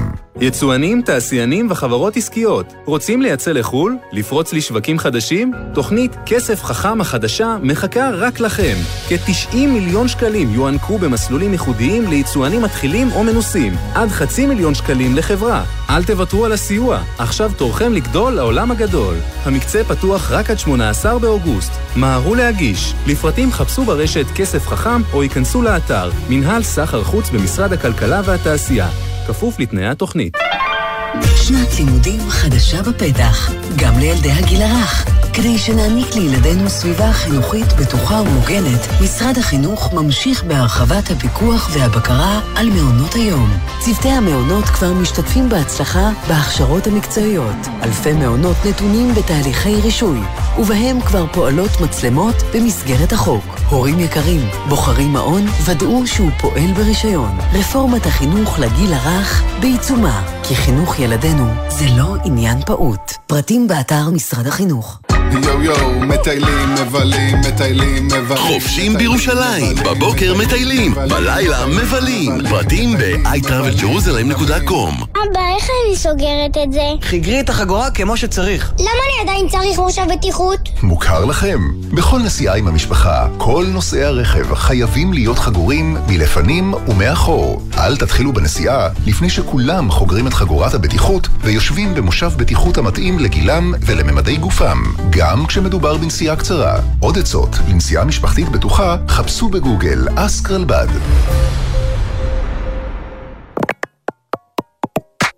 מיד אחרי החדשות, דרור גלוברמן.